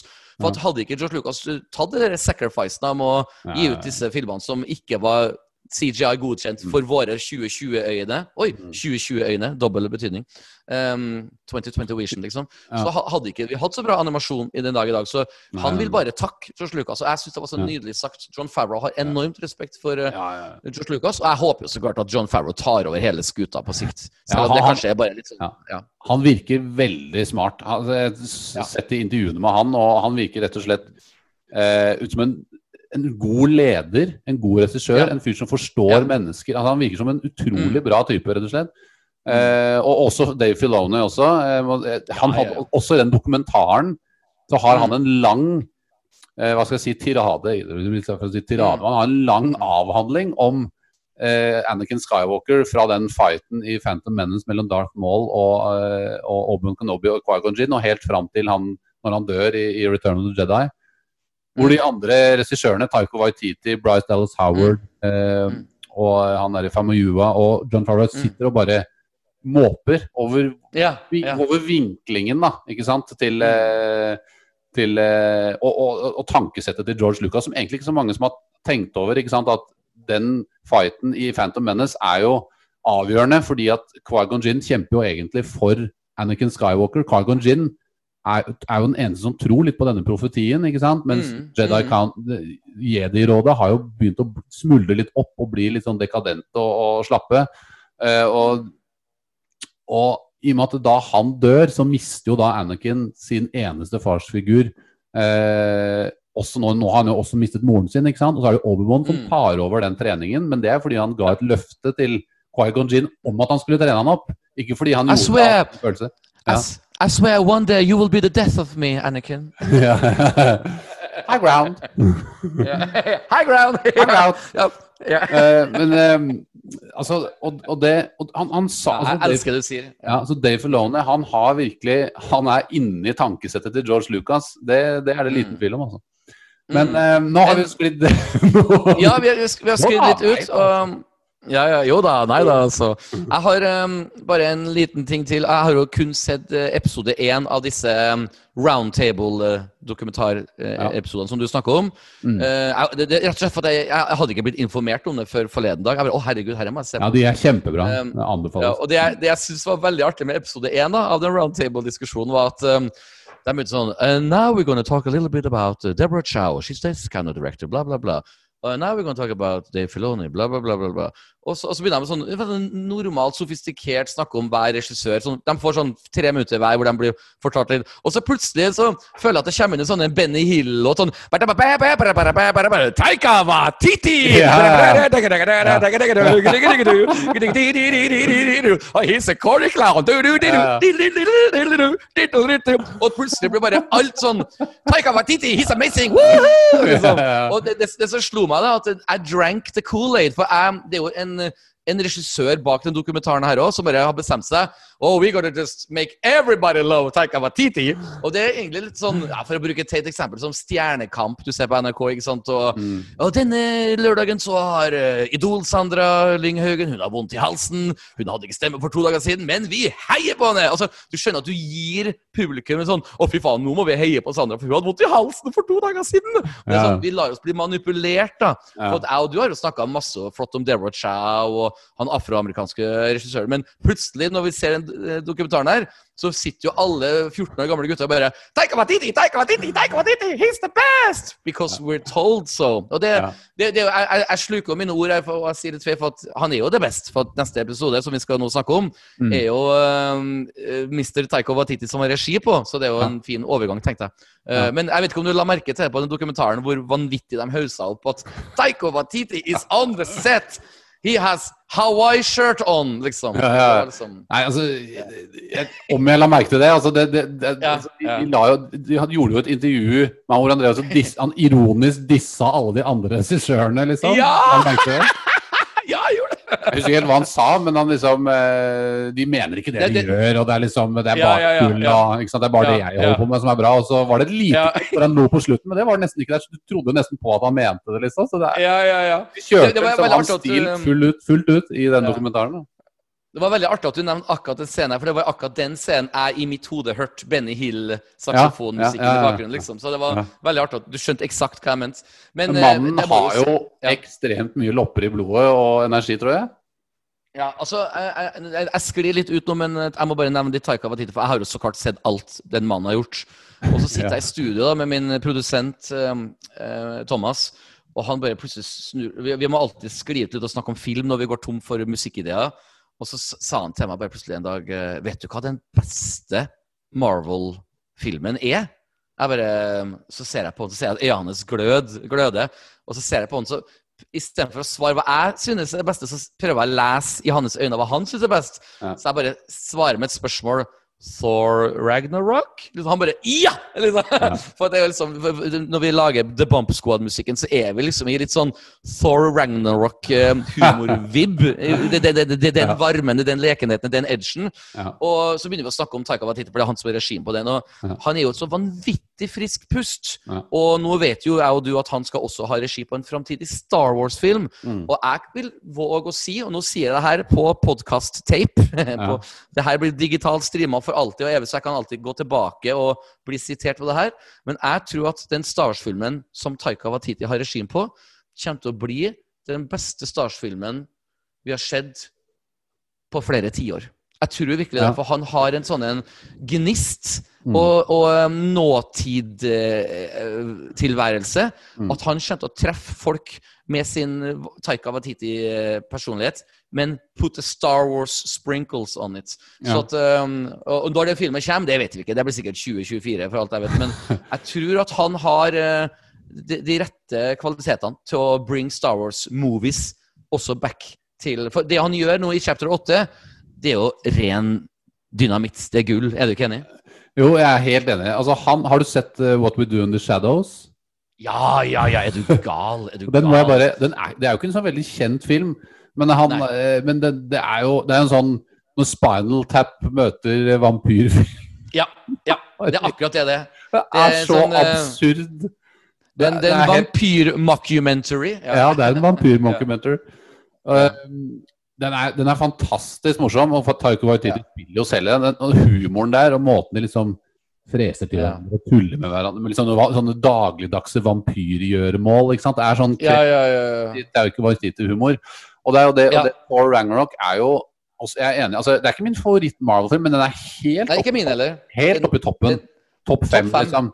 Ja, mm. Og det er fordi at den er eh, Fargerik. Den er så fargerik. Ja. Den, er, den, den er så ekstremt underholdende.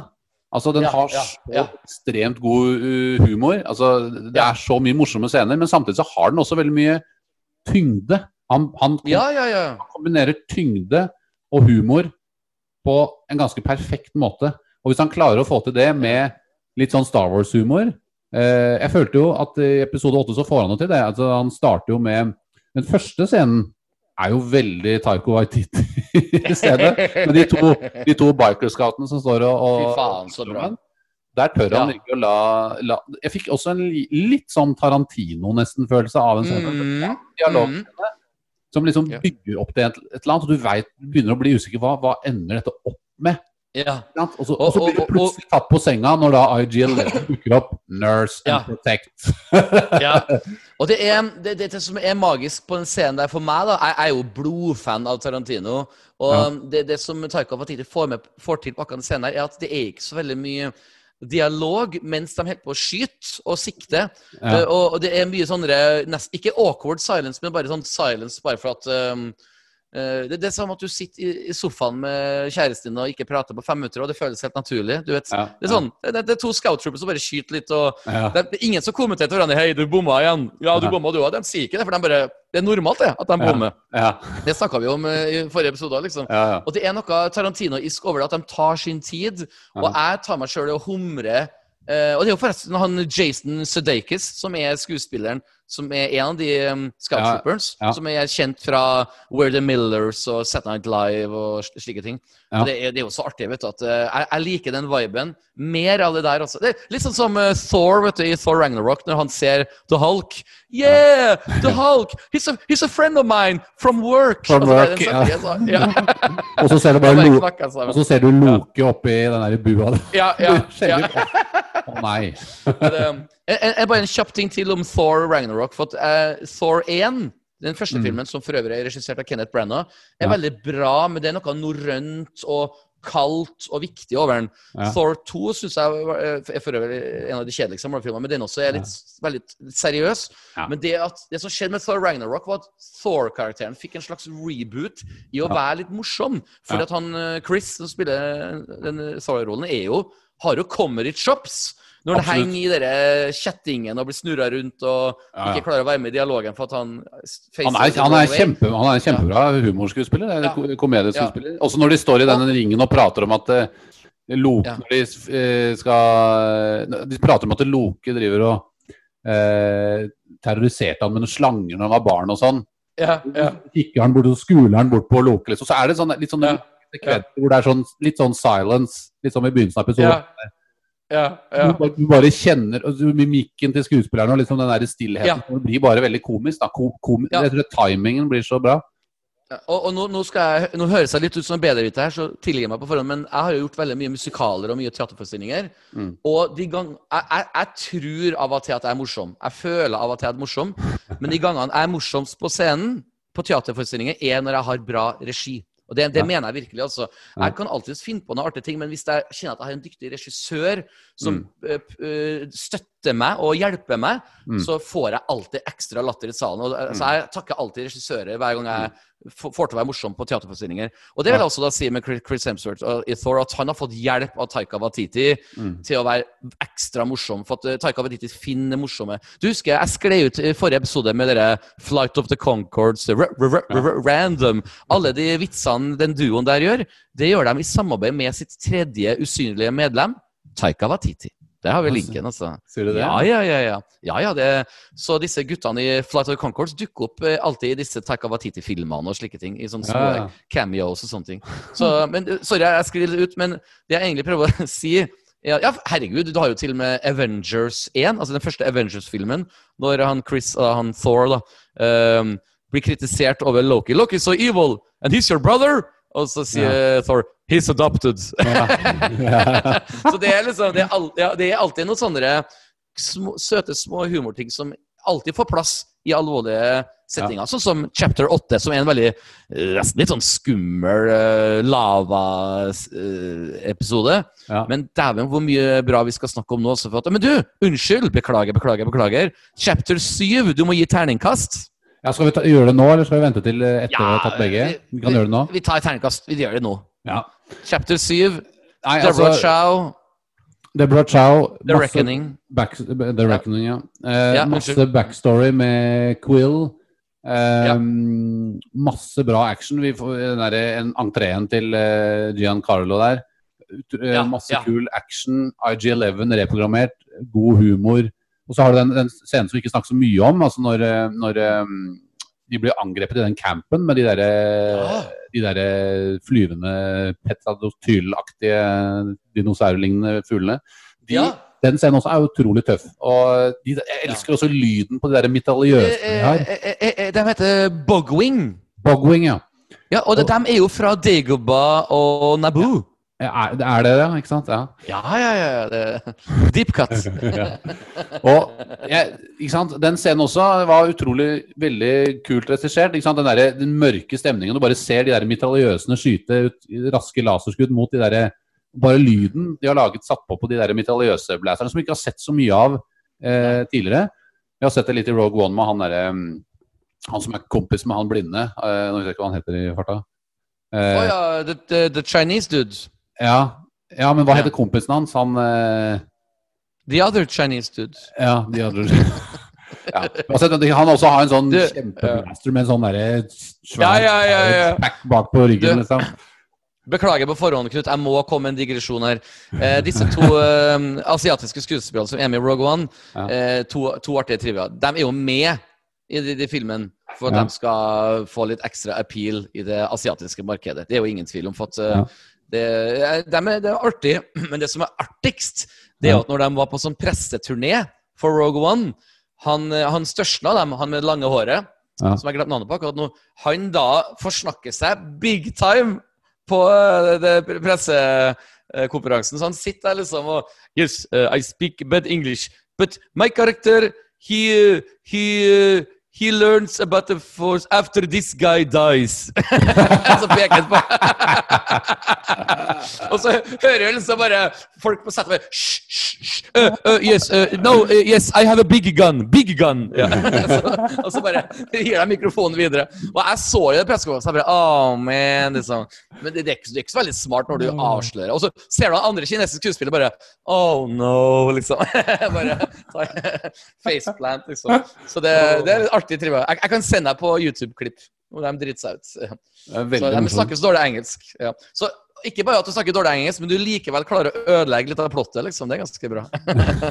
Hører folk i salen bare ah, liksom. Ja, ja, ja. Det, det, unnskyld, det, det minner meg litt om soundtracken til Phantom Menace. Track nummer åtte, liksom, snur du scenen, og så står det bare Quigons Qui-Gon's Noble, Noble Death. No. Ja, jeg bare No! Ja. Du vet ikke at han dør, vet du. Ja, ja. Ah, artig. Men ja, unnskyld. Det ble digresjon på digresjon her. Beklager. Terningkast. Ja, det var terningkastet jeg var på feil. Ja. Um, nei, altså dette her, For meg så er dette her bare en blank sekser, rett og slett. Jeg har egentlig ingenting eh, å trekke denne episoden her for. Det er Deborah Show leverer varene så til de grader. Ja. Um, Ja. Så Eh, nei, jeg- har egentlig ikke noe stort å trekke for, egentlig. Og det, det, det er så mye Nei. som skjer. Det er så mye backstory, det er så mye tyngde, det er så mye kule karakterer, humor.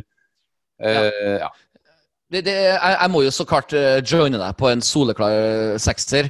Um, for å være litt sær, da. Jeg kan si svak sekser, hvis det går an å si det. Det går kanskje ikke an å si det. Men jeg kan si en ting om uh, Deborah Chow, og det er at når, når eh, Lucasfilm, Kathleen Kennedy, John Favreau, når de så hva denne dama her fikk til med chapter 3 og chapter 7, Ja. så sa, så de bare på hverandre og smila og sa hun der skal gjøre hele Obi-Wan-greia. Ferdig snakka. Jeg, jeg er overbevist på det. For at uh, det, det, du, du merker at her er det mye spennende energi og storytelling som kan dukke opp i uh, den derre six part series, eller eight part series som blir Obi-Wan. Sånn, sånn standalone. Ingen flere sesonger. Og jeg, jeg, jeg kjenner at jeg gleder meg. Jeg elsker Ewan McGregor som skuespiller også, så det, det blir uh, masse sand i rumpesprekka. Bring it on! Bring it on! det hadde vært veldig morsomt. En liten nod til episode to. Ja. Attack of liksom. Eh, ja. Even, ja, ja, ja, Mark Nobber. Ja. Sand in my lightsaber hilt, Crack. eller noe sånt. Ja, ja, ja, ja, ja, ja, ja. det hadde vært fantastisk. Også, eller, at, eller, at han, eller, at han, eller, at, han, møter Darth Vader på Tatooine, og så istedenfor å liksom angripe han med lyshammeren, så bare tar han, en, tar han opp en neve med sand og kaster den i hjelmen hans, liksom. Here, some sand! Ja, ja, og du, for å være skikkelig teknisk nerd, og jeg håper Eller jeg tror jeg tar feil, og jeg håper jeg tar feil, men det er altså slik at eh, når Darth Vader og Obi-Wan møtes i A New Hope, Ja. så sier jo Darth Vader noe sånn som at The last time we met, you were only uh, uh. Now I am uh, bla, bla. Now I am the master. You, you were, ja. Eh, det vil si at i teorien så går det an at de kan møtes i Obi-Wan-serien uten at den setningen blir ødelagt. Men jeg tror ikke at det skjer. Men det går an i teorien å leke litt med den. De- de- Hvis du skjønner hva jeg mener. Ja, ja det, det, det, går. Det går an, fordi han refererer Altså, last time we met, I was Altså, det som er litt I Ja. was the learner uh, You were the master, I was but the learner. Ja, Eh, ja, det går an å leke litt. det går an. Ja. Det gjør det. Det, det, Eh, det, jeg håper ikke det, for det blir for uh, shoehorned inn. Men det går an, altså. Men de må, de, de må på en måte Altså Obi-Wan, med mindre det fins noe kanonmateriale i noen tegneserier eller bøker, så Ja. vet jo ikke han eh, Altså, han vet ikke at han lever på, eh, på slutten. Han, når, når får han vite det? Når får han vite at eh, Anakin Skywalker ikke er død? Ikke sant? Det, Ja. det, det, er, det, håper, ja. og det er jo ting som de er nødt for å besvare. Du kan ikke ha en Obi-Wan Kenobi-serie uten å at du får vite eh, hvordan han oppdager det. Og, så de må jo på en måte adressere den tematikken og den historien der i den serien på et eller annet vis. Om de ikke møtes Ja. til en fysisk til en duell, så Ja. må det være et eller annet om det er ja. He's alive! Ja. Men det, altså, det, det er jo. Det har vi jo ikke fått sett ennå, liksom, i noe som helst Nei. eh, film eller eh, Nei. Serie. Så, så det er mye interessant de kan gjøre der, men de må selvfølgelig, som du sier, de må passe seg litt. Sånn at det ikke Ja. Det blir for Eh, cheesy, men ja. må, må ikke fornærme fansen. Altså, Måten man fornærmer fansen det er jo f.eks. slik at um, at Anakin laga C3PO. Det, det, blir, det blir for sånn Oh lord. Liksom. Ja, det- ja, det da, da blir universet Så det, er jo feil. Men det som er- derimot de gjør rett som, Og nå skal jeg være skikkelig geeky med Knut. Det er altså slik at um, når jeg så på Clone Wars så hver gang Anakin var med i Clone Wars og General Grievous var med i en episode, Ja. og så sa jeg nei, nei, nei, nei, det går ikke, det går ikke. Og så plutselig så er det en sånn actionscene hvor de begynner å nærme seg. Bare, Nei, nei, nei, det går ikke, det går ikke. Og hvis du lurer på hvorfor jeg alltid sa det, så er det fordi at i Revenge of the Sith så sier jo faktisk Anakin Skywalker når han møter Jennifer Grievous Ja. Jennifer Grievous, you're much shorter than I thought you were. Så det vil altså da si at han har aldri sett Jennifer Grievous i real time. Ja. Og det de gjorde da i Clone Wars, var at hver gang de møttes i en episode, så var det alltid en vegg imellom dem. Så de så aldri hverandre. Så det, og sånt liker jeg. Skal man være nøye, så skal man være nøye. Ja, ja. Så Anakin ser alle Jennifer Grievous i Clone Wars, selv om Obi-Wan slåss mange ganger med han. Men hver gang Anakin kommer inn på scenen, så er det alltid en sånn jum, en vegg som kommer gjennom så han ikke på scenen. Jeg vil se for meg George Lucas komme på settet. Well, we Ja. have to put up a wall between uh, respect the canon, you know. Exactly. Men det, ja. Men det er der liksom mine Aspergers syndrom slår til. Altså, for at det, sånne detaljer er viktig.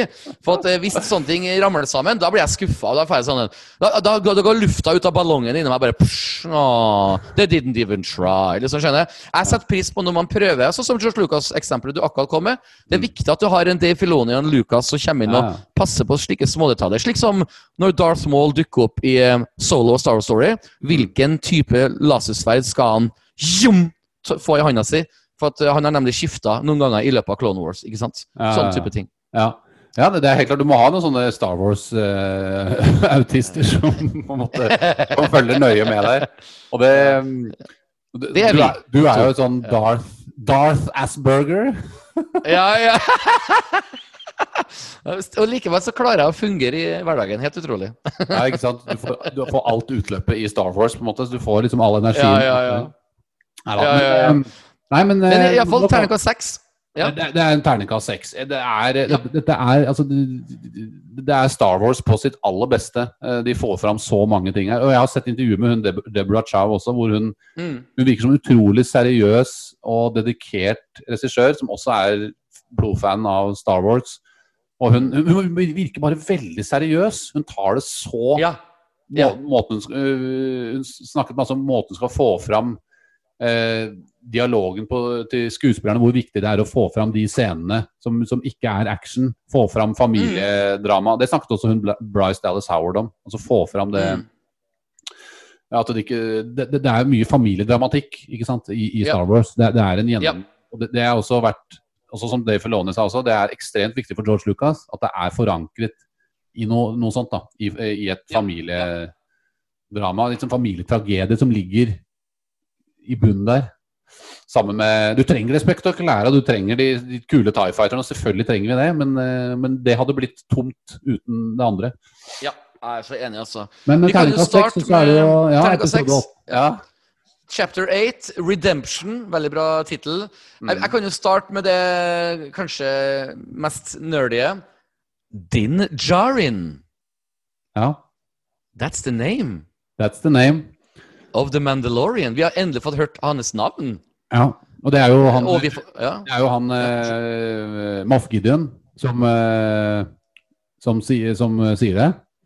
Ja, Og det, og det mm, Han har jo en sånn oppleksning hvor han, hvor han ramser opp eh, liksom bakhistorien til både Grief og Cara og, ja, og Din Ja. Jaren. da.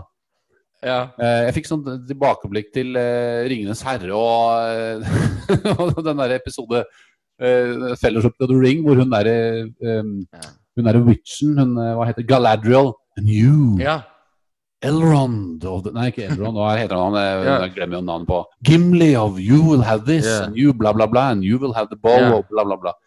ja, ja So, you. Cara Dune, you are the bla, bla, bla. Ja, ja, Eh, ja. Men eh, Det, det, det, var, det var litt sånn. Det Ja. var litt sånn. Det var litt sånn. Men, men det var eh, Der også var det interessant backstory eh, som han de fikk bakt inn i den scenen der, hvor han sier, nevner dette med The Siege of Mandalore.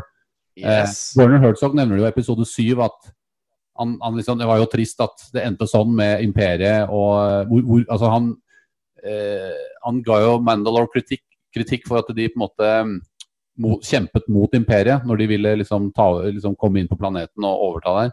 Eh, og eh, Giancar eller eh, Moff Gideon fortsetter jo der. Mm. Sier jo at, at A Night of the Thousand Tears, er det det han sier?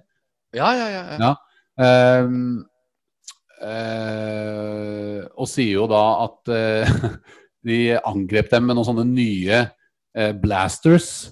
Eh, noen sånn, som, som han også har med seg i, i denne episoden her. Da, en sånn e-web som, som by the way was mounted on the Tie Fighters når, når de angrep Mandalore den gangen. Mm. Da. Så der får du ja. litt sånn backstory om, om imperiet og bakt inn i den scenen. da. Og det, det er jo utrolig kult. Ja, det, det, det som jeg syns er interessant, er at det er jo John Farrow som har skrevet historien her. Så Mm. det er jo Taika Waititi sin jobb da å lage regi ut av Mm. den historien. Og jeg syns han har Ja. løst det.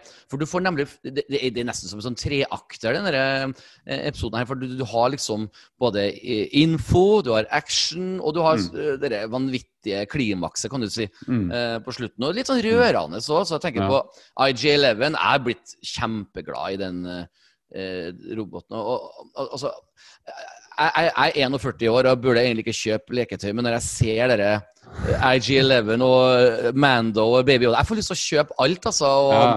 ha liksom i studio, liksom, og, som Ja. inspirasjon. For det, det er så visuelt vakkert, alt de klarer å lage. og øh, hvilke Star Wars-elementer skal vi ta med fra tidligere filmer og putte inn i her? De har vært Ja. flinke til å plukke, da.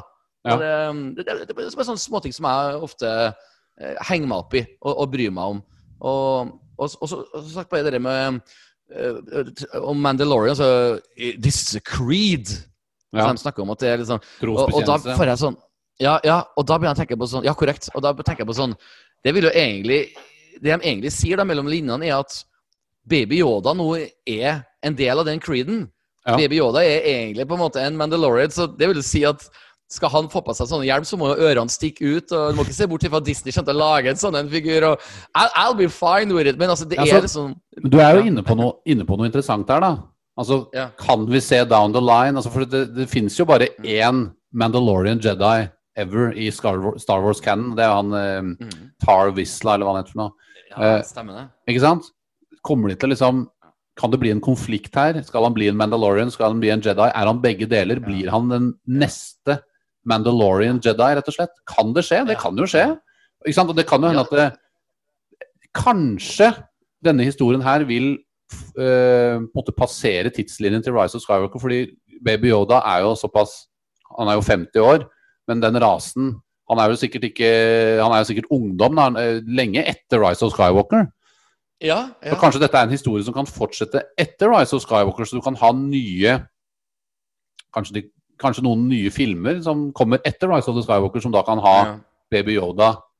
Men det er klart, hvor er de i Rise of Skywalker? Ikke sant? Så det er det, det, Ja, det, det, jeg tror, Knut øh, jeg, jeg kan så klart ikke bevise øh, Jeg har, har noen kilder, så klart, men jeg kan ikke bevise at det stemmer. Men det jeg tror Lucasfilm kommer til å gjøre, er å ikke fokusere på handling etter øh, Rise of Skywalker, men Mm. heller ha all fokus på en bestemt timeline, som jeg vil da gjette er f.eks. Uh, 15 år før A New Hope og 15 år etter Return of Jedi. At de holder seg liksom i Mm. den eh, epoken framover. Jeg kan ta feil, men jeg har en følelse på at eh, um, også, for, for nå har jo mange av de nye bøkene begynt å fokusere på en sånn en periode eh, Var det 500 år før A New Hope? En sånn ting.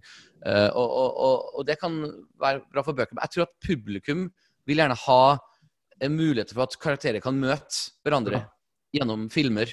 Litt sånn som du vet når um, man ser i Star Wars Rebels at uh, en, en vakker kvinnelig jedi dukker opp igjen, som vi ikke har sett siden Clone Wars. Sånn, og som igjen kanskje nå får se i sesong Ja? Altså, jeg, jeg, jeg tror det kan være trikset, for det er det som fungerer bra med Marvel-filmene.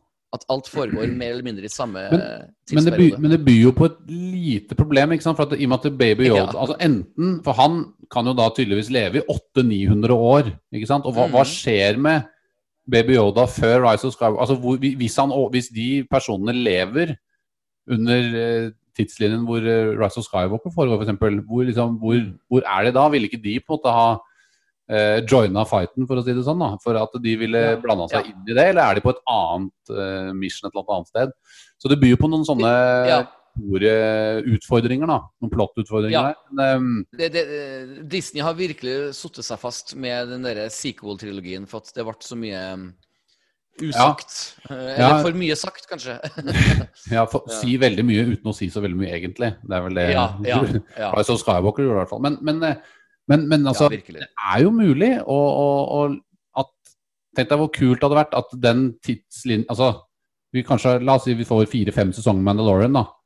Som er i Mm. tidslinjen mellom Return of the Jedi og, eh, og Rise of Skywalker.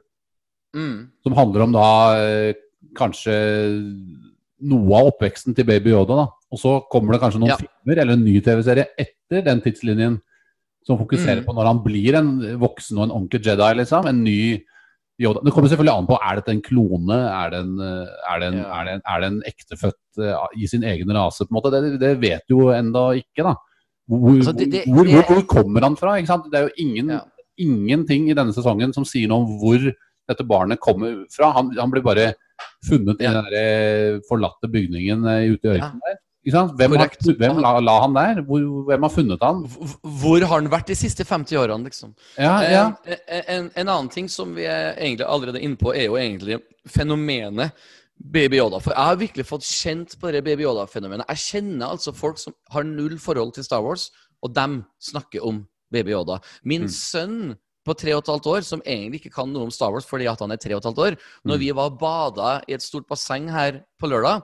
Og han fikk på seg en brun håndduk etterpå, så tok han den rundt halsen sin, og så så han i speilet og sa 'Å, Baby Yoda!' Altså, Han følte at han sjøl så ut som Baby Yoda når han tok den brune håndduken rundt hele kroppen sin. ja. Ferdig ny- nydusja, liksom. Mm. Og, og da tenkte jeg bare sånn Disney er klar over det her. Det er ikke bare Petter Aagaard, altså det er ikke bare meg som har registrert at Baby Yoda og, og Mandalorian har blitt et fenomen langt utenfor TV-serien.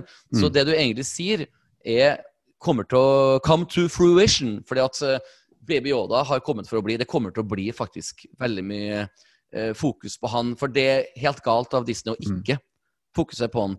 Eh, helst i en spin-off-serie, så at Mando kan på en måte reise sin Ja. egen vei på sikt. Ja, de har jo på en måte, I og med at denne rasen blir så gammel, det er jo litt det samme som Yoda. For, de, som, for å trekke Ja. en parallell, de skal jo lage en del materiale fra, som, fra en tidslinje som er noen år, århundrer før Phantom Menace, med, som de kaller Ja. for High Republic. Ja, det, Det det, liksom det, det, var det jeg tenkte på i stad. Beklager. ja. Ja. Og, og, og den eh, Ikke sant? Og der eh, ryktes jo at Yoda vil ha en rolle, for han er jo da ikke sant, type kanskje 600 år, 700 da, år. eller Ja, noe seks, sånt ja, ja. Noe rundt der. Og han er eh, kjempe... In his prime! Ja, in his prime. Eh, så sant, du, kjøper deg noen muligheter da, med å ha en rase som blir så gammel. ikke sant? Det, og jeg syns det er litt kult. Jeg synes, jeg syns, Mm. Man skal ikke bare bruke de samme karakterene om og om igjen, men hvis det er logisk at Yoda han, han har vært en Jedi i, i 600 år, eller hva det er for noe Det er klart at han Mm. er tilstedeværende i, det, i den tidslinjen der, eller den epoken Mm. der. Så, så um, nei, Jeg er veldig spent på hva de gjør videre med Jeg, jeg er rett og slett utrolig spent på hva de gjør videre i sesong eh, to. da. Men for å snakke Ja, og- om sesong, ja. nei, episode åtte Ab absolutt. eh, Jeg, har en fin inngang, og det er jo at Ja. siden- vi snakka så mye om Baby Yoda Her får Baby Yoda nok en gang vist en force power, og det er jo når eh, flammekasteren kommer, og det er jo eh, vakkert. Jeg fikk, det jeg fikk et lite sånn Gremlins-øyeblikk der, når, han, når, når, når, du, du ser, når du ser Baby Yoda, liksom skallen hans dukker opp i, i bildet. Sånn Ja, Og så liksom slår han flammene tilbake. Så han, han har jo litt den derre Yoda, han lukker øynene og liksom får litt den derre Han er plutselig veldig voksen når han bruker kraften, på en måte. Han er veldig sånn Og så når kraften kommer, Ja. er han veldig sånn Ja. mental, vis, gammel mann. Sånn oh. Ja, ja, for, fordi at eh, bare noen minutter tidligere så biter han jo en scout trooper i fingeren, liksom. Og da er han litt Ja. liksom. Ja, ja. Det, blir han slått litt ned i bagen, og du vet, liksom De, og de er, og da, og da, ja, den scenen er så bra. det- Som vi snakket om i stad, når, de- når de driver og så skal drive og slå Kan jeg få se på det noen? Can I, can I look at it? Ja. Så, så snakker de om Og så, så nevner de også dem at, at Moff Gideon har jo knerta en hel eh, bataljon med stormtroopers bare fordi de gjorde en dårlig jobb. Så nei, det Ja. burde vi ikke gjøre. Vi må, kan ikke drive og Nei. nei. kvale den lille tassen der, liksom. Men så kommer da den scenen hvor IG-11 kommer inn. ikke sant? For man må jo Dette her skjer jo da rett etter at episode 7 er ferdig. Så Quill Ja. har akkurat blitt drept. Så IG-11 har jo da akkurat oppdaget det, og han fulfill, uh, is for fulfilling his duties, ikke sant? Så han skal Yes, yes. curse and protect. Han drar den strikken relativt Ja, det er så bra. Når han da er kommer og, og, um, og ta rotta på de to bike-scouterne der på Ja, ja. alt vis Ja, ja, ja, ja, ja. Den ene Og så liksom rett bare etterpå, knekker armen på den ene og liksom moser Ja. den. Andre og bare kjører en litt sånn hulk på Loke-variant der nede i den der bare Ja, ja. ja. Det er veldig hulk Loke. Veldig, veldig bra. Og så rett etterpå, når han kjører inn til byen, så er det litt Flåklypa Grand Prix. Ja, ja, ja, ja. Bare, du bare ser liksom, det Flåklypa Grand Prix-karakterene bare snurrer hodet sitt fort etter eh, ildtempo gigante. Men her ble de skutt, da, for det var Stormtroopers. Og, han Og så er det et herlig shot av eh, Baby Yoda når de flyr innover der. Når han ler litt når han begynner, når begynner å plaffe ned Stormtroopers, og det går veldig fort. Da er det veldig gøy. Ja, ja. ja. Nei, det det- this, is, this is my Star Wars. Det er alt jeg kan si. ja, når da han kommer inn og bare eh, krasjer den eh, biker, eh, speederbiken inn i troppene der og bare kjører full Rambo-stil. Og, og så gjemmer han Baby Yoda på ryggen innimellom der liksom og skyter ut. Det er Ja, ja, ja. litt over the top at han har liksom med seg den babyen samtidig, selvfølgelig. Det er litt, selvfølgelig litt risky, men, men, men, det, men, det, men det funker fordi det er så ekstremt underholdende. Og han er jo på en måte Ja. i situasjonen hvor han Han er jo litt tvunget til å gjøre det, for han må på en måte redde de andre og redde Baby Yoda. Og, Mm. eh, så det, det er en slags Det er en logikk i det også. Så Ja. Eh, Du, du har en sånn scene med Jason Statham i Fast and Furious. Han er oppe i et fly hvor han må slåss mens han passer på en baby.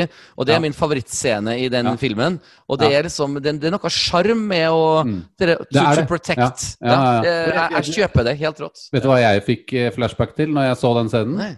Jeg fikk flashback til Peter Jacksons King Kong, når King Kong slåss med tre Tyrannosaurus rexer med hun dama i den ene hånda. Det er litt den samme vibben der. Litt Eh, undervurdert film, faktisk. Ja, jeg synes den, og den, den Ja, ja, ja. scenen med King Kong og de tre, den er ekstremt over the top, men den er så vellaget. Det er noe av det beste som har vært laget, altså. Det er jo bare Vet du hvordan Jack Black fikk eh, rollen? Nei. For han hadde vært host på MTV Video Awards, så hadde han laga sånne artige Lord of the Rings, eh, hvor at du må putte ringen på en annen plass enn fingeren din. Ja. Og, og, og han, Peter Jackson så det klippet og hoppa og leste seg i hjel og bare sa 'Han der må jeg jobbe med'. he, really, he, re, he really understands the rings, liksom. Så var det en litt artig digresjon. Jack Black er jo et multitalent. ja, han er veldig han er, han er jo faktisk en veldig kul skuespiller. Yes. Og Han er, musiker. og han, ja, ikke sant? Eh, nei, så, så det fortsetter sånn Når da RG11 kommer inn i uh, action der, så skjønner jo de andre at nå har de muligheten til å bryte ut, og så Ja. all Ja. hell breaks loose. Når da Mando, Yes. som jeg nevnte, han kommer ut av døra og skyter pistolen under armen der og knocker ned Ja. Det er uh, ekstremt bra regissert. Taiko Waititi Mm. er jo en jæskla bra Det er det han er så god på. Da, som vi sa i stad. Han er veldig god til å regissere både action og humor og Ja. og tyngde, altså, ha, det, det, det er liksom både emosjonelle ting og tyngde Ja. og følelser og action kan leve side om side. Eh, og Du kan få det mørke Korrekt. til å være mørkt, og du kan få det lyse til å være lyst. liksom. Altså det, men det, og det er vanskelig. Tenk deg hvordan ja, jeg tenkte deg hvordan filmen han skal regissere, en Star Wars-film han skal regissere, blir, med alt det du nettopp beskrev. Ja. Få litt humor inn i action. Altså, det, det er Ja. jo det vi på en måte har savna litt. eh, Folk, folk glemmer jo ofte at liksom For eksempel ta Empire Strikes Back. da. Den, den, min favoritt-Star Wars-film, og kanskje den beste, Ja. en av de beste filmene laget noensinne. Det er Mm. faktisk mye mer humor. Folk sier det er en mørk film, og ja, det er en Ja, mørk film. ja, ja, ja. laget sånn, men det er faktisk veldig mye humor i den også. Og mye sånn ja, ja, ja, ja, ja, ja. cocky ting, ikke sant. Eh. Med Han Solo og, og um, C3PO og R2D2 og sånn. Det er Ja. Ja. for eksempel den hangaren i begynnelsen her, ikke sant. Eh, ja. Æ? Æ? Æ? Så, det, så det er, det er, det, er det, er viktig å huske på det at det, mørke kan eksistere side om side ved Men det er klart, humoren må treffe, den må være riktig. Hvis, hvis, hvis, You were afraid, uh, you were afraid you, I, I was going to leave without a goodbye kiss? Ja, ikke sant? Den der, der. Og så sier også Street TV noe om eh, når, når Han snakker om oddsen for at Luke skal overleve ute i kulda eller et eller annet. Ja. Der, der er det også noe morsomt som skjer. Men em, Du har helt rett. Ja. ja. But he's been, he's been uh, known to be wrong from time to time. Ja, ikke sant. Om, uh, From time to ja, time.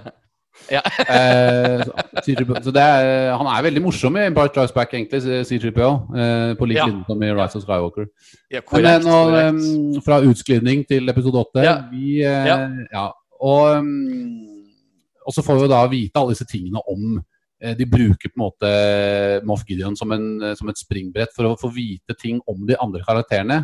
Gjort det på en veldig Ja. kul måte. Eh, og det fungerer også veldig bra. Og så Fikk, fikk du med forresten hvor uh, Cara Cynthia Dune er fra?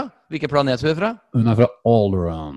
Yes! Ja. Og hun har, har det med å komme i bråk hvor uh, enn hun er, så you might say she always ends up in all the wrong places. all the wrong places. Eller som min eh, Jeg fikk en morsom eh, messengermelding fra vår gode kollega og Star Wars-fan Erik Anti. Shout-out til Erik. Ah, Han sendte meg en veldig bra rebus. Jeg skal teste den på deg nå. Hvis Du da tar Å, å. Du burde jo egentlig se et bilde, da. Men hvis du tar okay. da dette Hva heter det bildet? mest kjente bildet til da Vinci, med denne mannen i sånn positur. eh, hva heter det bildet? ja, ja, ja, altså Naken- naken Nakenbildet, Nakenbilde, ja. ja. Ja. Jeg er med. Den pluss bilen fra Tilbake i fremtiden. Hva får du da? Ja. OK um, Naken mann. Delore, uh, Mandalorian! Og jeg brukte lang Og jeg skjønte den ikke med en gang. Jeg trodde jeg begynte å snakke om at å, har, Mener du at Da Vinci har reist i tid? Det tror jeg. Um, Det var Erik, veldig artig. Ja. Uh, unnskyld. Uh, Erik Ante den var kjempekreativ og bra. Den, uh, Ja. er, eh, vi får han som gjest en dag. Men Jeg eh, er jo egentlig eh, ikke bare Star Wars-nerd. Jeg er også universnerd. Så en av mine store forbilder er jo Neil deGrasse Tyson. Den Ja. afroamerikanske mannen som virkelig gjør eh, universet om til en underholdende infotainment-greie. Jeg, jeg følger han ukentlig vet du, når han prater, og han elsker å snakke ned Da Vinci. He was a terrible architect. He didn't know how to make a helicopter. It was terrible. He wasn't even close. Liksom. ja, det er der, ja. Ja, men, og så begynner folk å forsvare den. Ja, men det var jo i hvert fall i startgropa av helikopter. Not at all! It was terrible! Liksom. Jeg bare flirer. For at eh, det var, han, han, han mener at eh, Da Vinci har fått altfor mye skryt i eh, de siste hundrevis av årene, liksom. Han roaster Da Vinci, liksom. Ja, ja, ja, big time. Og han har et poeng, da. Men, men. Uh, Jo, jo, nok, nok om det. Ja. Du! Mando får seg en jetpack! Mando får seg en I gotta, I gotta get me one of those. Ja. Vi må jo snakke litt om også, For det skjer jo litt senere i episoden. og så er det jo, men det, det er veldig interessant. Han har jo vært veldig redd for droids, droids og vært veldig mot Ja. droids. Men den story-arken som Mando og IG-11 får liksom litt sammen, ikke sant? Ja. Med at eh, IG-11 ofrer seg. eh, og faktisk det ender opp med at eh, Mando for Han innser at han trenger jo IG-11 for å gjennomføre dette oppdraget. Ja. Eh, der blir det på en måte en slags closure. En slags eh, Ringen er sluttet. Han får en slags Ja. story arc innen, innenfor den retten Yes. han har for the droids. Nydelig kommentert. Ja. Ikke sant? Eh, Mm. og RG11 får også det, for han, for han er jo Han er jo blitt sånn bare fordi han har blitt reprogrammert av Quill. Ikke sant? Men der har jo Quill gjort en, igjen en god gjerning for å gjøre droiden bedre, rett og slett. De, de får en sånn, en sånn slutt på den story-arken til IG11 og en slags Om det er en konklusjon, det kan hende skjer ting videre utover i neste sesong, men om det er en konklusjon da for Mando sin frykt for droids, den har på en måte hørt litt, i hvert fall gjorde den det akkurat den episke scenen hvor, Ja, ja. hvor eh, IG11 ofrer seg selv. Jeg vil si den ene lille litt Ja. tullete tingen som For de har jo allerede liksom skutt seg løs med en horde med stormtroopers, og så er det liksom Ja. You can't shoot your way out of this! Og så står det liksom bare 10-11 stykker utafor der. En litt sånn trang munning, men Ja, de ja. klarte tidligere, så ja De kunne godt ha hatt 50 stormtroopers til, og kanskje en, et eller annet et eller annet Veldig bra. Kanskje han Gideon skulle ha stått Men liksom, de gjør det for, um, for at det skal være litt mer drama i det, selvfølgelig. Han kommer jo inn litt seinere der. Men, men um, vi får jo også møte En, hun- en, ja. unnskyld. Nei, unnskyld. Nei, jeg også skal bare si at, hun, eh, eh, Ja. Vær så god. vi, vi, vi, eh, vi får også møte hun smeden igjen, som er Mhm. den eneste overlevende. For det, Imperiet har jo også, også en enda mer kjøtt på beinet. ikke sant? De har jo da tatt rotta på flere av disse Mandalorianene som har holdt til nedi, nedi kloakksystemet der. Og eh, noen av dem har kanskje klart å flykte, da, så det, vi kan jo håpe på at han klarer å time opp med noen av de andre i neste sesong. Ja. Men hun har jo da klart å overleve, og vi får jo da også vite litt mer, og hun forteller litt om backstoryen mellom Jedis og Mandalorians, og hvordan de eh, eh, Og at eh, da Baby eh, Yoda er en foundling, og han må returnere eh, han til, en, eh, til a race called the Jedis. For det er tydelig at Mando ikke Han veit ikke så mye om The Force, vi har litt om det før, men han vet ikke så mye om The Mm. Force. He can, han sier 'he can move objects with his mind', sier han. Ja. Han, han, han, han, bruker ikke engang ordet 'force', og hun Nei. sier Nei. 'Yes, I've heard of such things', sier hun. Mm, På en litt mm. uh, Um, og, eh, så, så, så hun veit litt mer enn Mando om, uh, om både historien som går tilbake med Mandalorians og Jedis, men hun vet også mer om, om, uh, om The Force. da. Hun har hørt om det. Kanskje ikke sett det liksom i første hånd, på en måte, men Men du, altså det er jo egentlig veldig bra at de går så langt tilbake og gjør musikk, mystikken om jedi-riddere så Mm. mystisk igjen. fordi at eh, når vi så f.eks.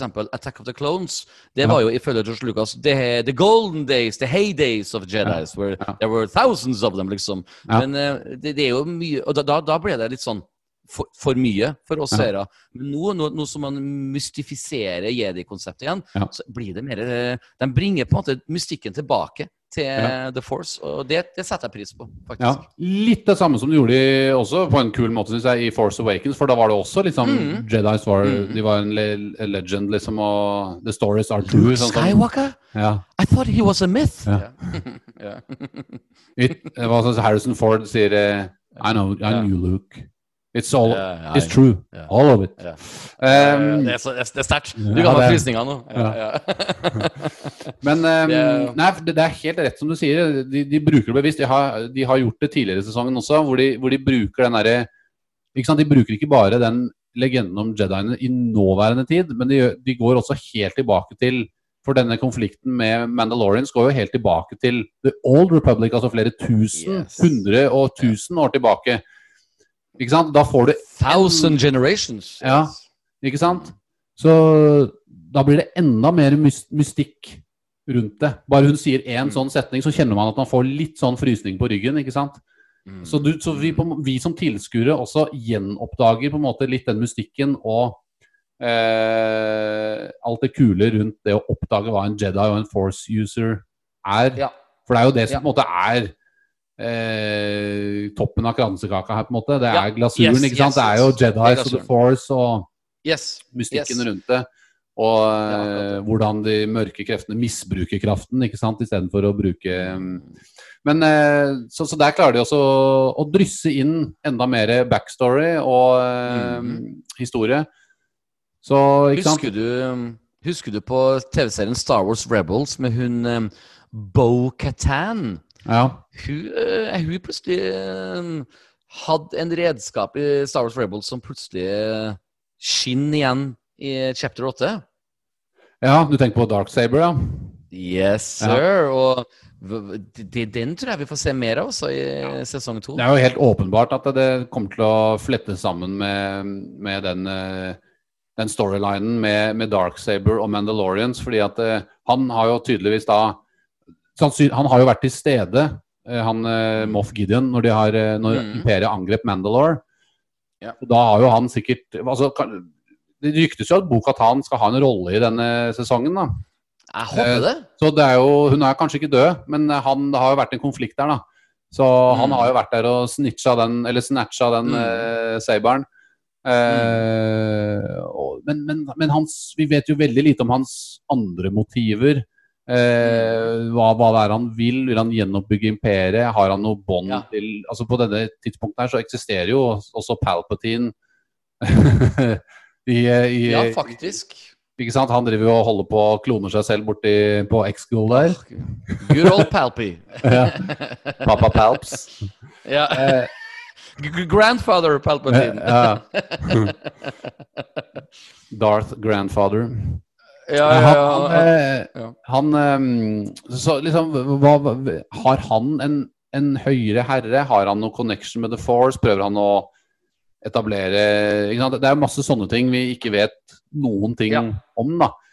Uh, de velger jo ikke sant, musikk Det er jo bare kanskje jeg som leser mye litt for mye i det, men de velger den musikken, temamusikken Mhm. til Moff Gideon Dao, da, da, da, da.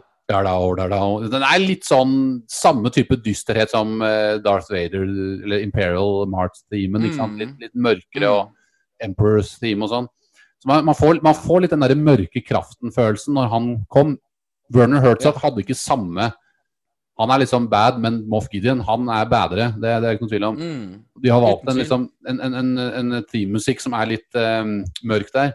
Så det er helt klart at han, er, han har noen skumle hensikter med For han sier jo også i episode, jeg husker ikke om det er episode 7 eller 8 at, at You have no idea uh, what this child is capable of. Eller you have Ja. no idea what I want with it. Eller uh, et eller annet. I'm, Ja, jeg har fått uh, I'm paraphrasing, men ja. Ja, så de, de skal jo lage en DNA super army av baby Yoda superclones. Altså, det, det er jo liksom Ja, Ja, det, som ja er- det, det er noe sånn, eller skal de få Eller har det noe med dette Det er mulig jeg leser mye, har det noe med dette Palpatine-greiene å gjøre? At liksom han er jo Ah. klonet borti der. At det, at det er noe mm. At de skal ha hans DNA inni der, forske på at han kan bli For han blir jo så gammel, ikke sant? Disse Yoda-rasen. Mm. Er det noe at han Ja, vil ja, ja. ha det, sånn at Palpatine kan infuse his blood with litt uh, Yoda eh, old eh, age genes? Ja, ja, ja, ja, ja, ja. Og så og så var jo én ting som um, jeg, jeg, jeg så på en sånn Star Wars Norge Facebook-side at folk diskuterte um, Du vet, eh, i den episoden tidligere hvor um, vi tror Bobafett kommer gående Ja. inn, for vi hører Ja. sånn klirr-klirr på skolen. Ja. Og der var det jo mange som mente at det var jo så klart um, Moff Gideon. Men det er det faktisk ikke, for du hører når uh, Moff Gideon gjør sin entré, så klirrer det ikke på skoene hans. Han kan jo ha på seg noen andre sko, da. Nei, ikke i, i Star Wars-universet. Der, der går man med samme skoen i dagevis. Det, det er det som er så artig med klær i Star Wars. Liksom, du vet, eh, man skifter veldig sjelden klær. Og for eksempel når um, han Solo blir frozen in carbonite, og uh, Lando tar over uh, The Millennium Falcon her på siste fem minutter av filmen, så tar han på seg Lando-vesten! Akkurat som han kler seg ut som han Solo. Og da tenker jeg sånn, å ja, det må vel være en sånn Millennium Falcon kapteinvest, sånn eh, egentlig han Solo går rundt med. Ja. da, for at Lando tar jo på seg den vesten når han skal fly, liksom. Det er jævlig komisk. Det gjør, gjør ikke noe å gå med de samme skoene hele tiden når du har sånne mini moisture evaporators inni skoene som bare fordriver all fuktigheten. Exactly, det er det de har, vet du. Men uh, det er ikke, det, det de er ikke bra nok sko for uh, lavaelven, som vi ser. Der, der trenger man IG11-hjelp. Ja, ikke sant? Som ofrer seg sjøl. Det er vel derfor serien heter for Redemption, tror du ikke? For at IG11 ofrer seg, og at uh, uh, Og på en måte Mando også har en liten redemption med seg sjøl, kan du si. Og sine Ja. fordommer. Ja, det, og at han? Det, det var jo episode tre også som het The Sin. Der tenkte Ja, jeg liksom, ja. refererte de der til um, at han uh, at han, Skulle levere BBJ? At, at han betrayer gilden. Altså han bruker jo kodene til gilden, ikke sant? Ved også, Ja. Eller er det at han bryter, bryter koden eller, eller er det at han leverer barnet til imperiet og bryter med Kjempebra spørsmål. Ja, jeg, jeg, jeg- ser jo på det som det sier at han merker at her, nå, nå leverer han fra seg noe helt uskyldig og snilt. Ja, Og det er jo en synd. Men, men Ja. det, kanskje, jeg liker din teori også. At han ja og så er han jo Ikke sant, han er jo han blir jo på en måte fanga mellom to kodekser. Han, skal jo på en måte, altså, Mm. han er jo en Mandalorian, og hvis de finner en foundling, så skal de jo ta vare på det barnet. Det, det, det er, Og hvert for noe, ja, og derfor, og hvert for noe Baby Yoda hjelper han og redder livet hans. ja, og han er jo en skvis da, ikke sant? Så er jo, det er jo en synd mot den mandaloriske trosbekjennelsen, da. Mm. det hørtes veldig seriøst ut. Ja, men eh, det, it, it's real. Shit Ja. just got real. Og, Den mandaloriske trosbekjennelsen. Ja, vi, vi skal lage den, vi. Jeg og du. Lage en liten sånn egen uh, The Ja. Church of Funk and Mandalore.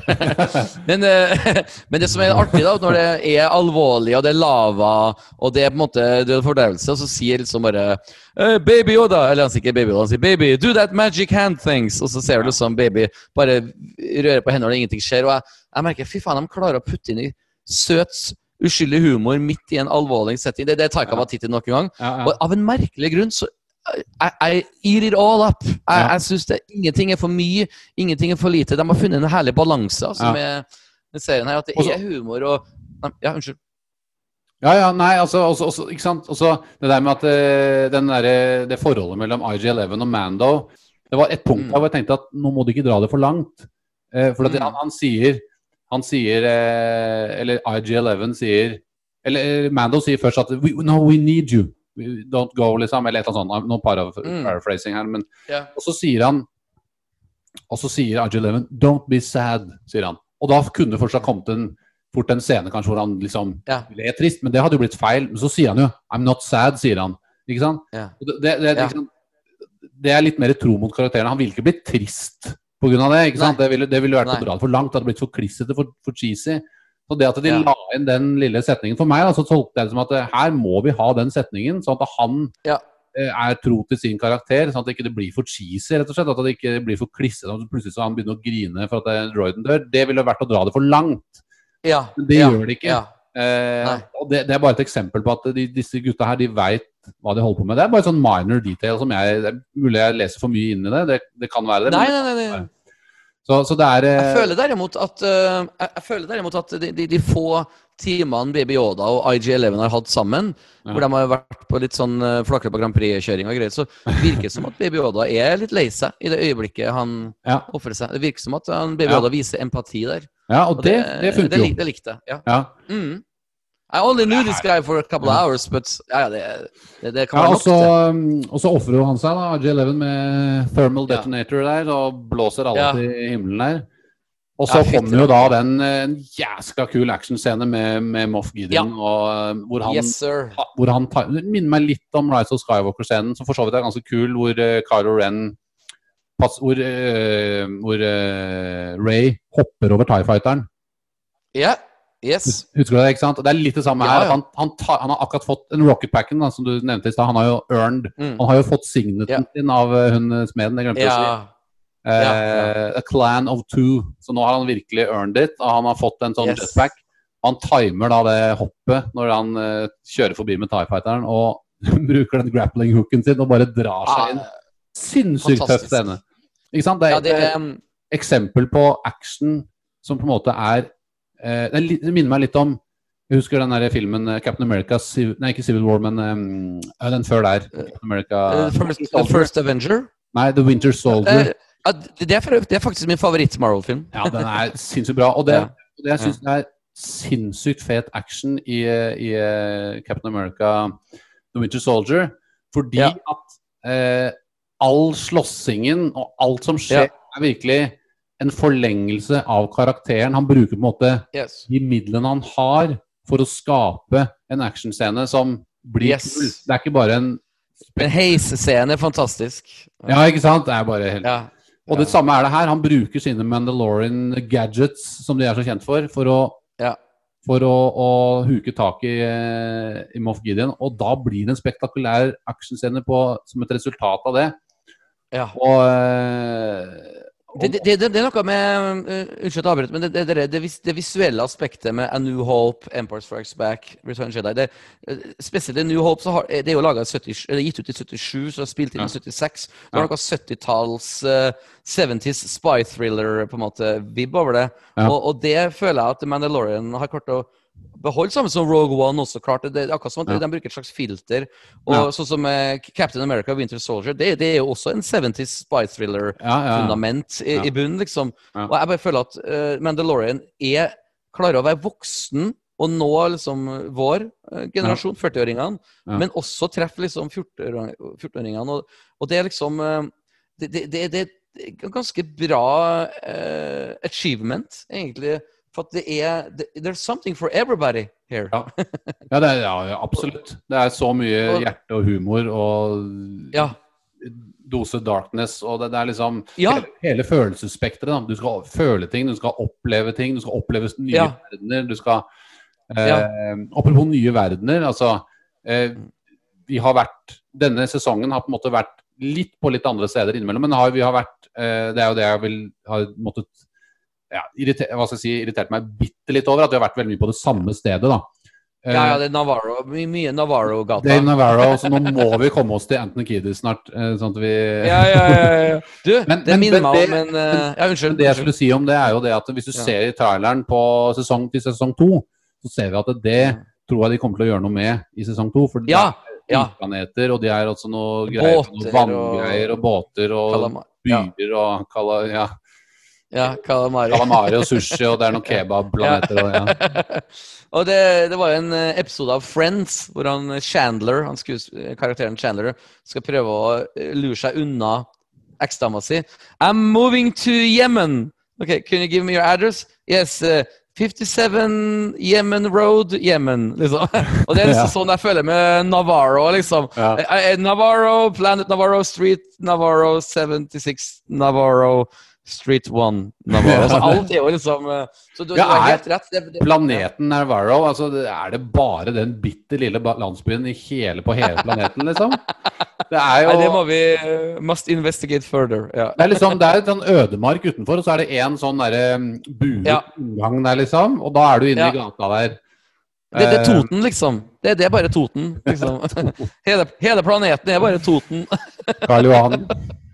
Ja, ikke sant?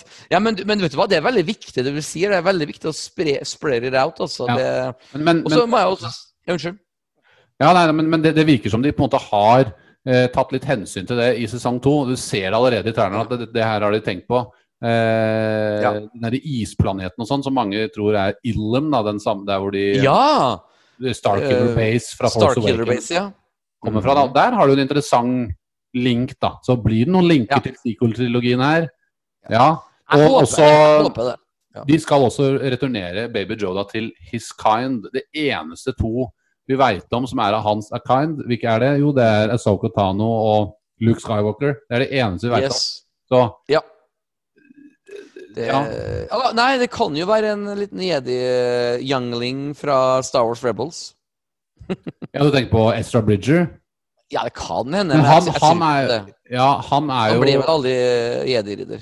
Han hadde Force, da, men han var ikke jedi-ridder, kanskje. Nei, men han, han, han er jo sannsynligvis i live. Eh, fordi at Ja. han, han forsvant jo til The Outer Rim. Han ble kidnappet av noen Ja. Space Whales Ja, sammen med Admiral Thrawn. Så de er jo på en måte ja. De røyka ingen weed den dagen de skrev det manuskriptet her. Nei. Let's let them get kidnapped by space whales. ja.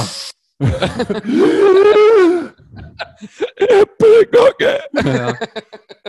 Ola Halvorsen. Nei, det- men Ja, ja. det er bare sånn de gikk der. Hadde de låst seg fast? Nå må vi bare finne ut av hvor de ender opp hen, for de kan jo ikke være til stede i originaltrilogien, så vi må finne ut hva vi gjør med dem. Fortere, vi må Ja. finne på noe!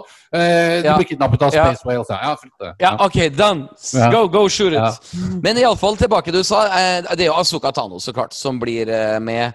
Og det blir kjempespennende. En annen ting jeg må si om den actionscenen helt på slutten med Tie Fighter og, og Mando som flyr over og sånn, Mm. de klippene vet du, fikk vi jo se i en trailer på Ja. The Mandalorian Season 1 veldig veldig tidlig.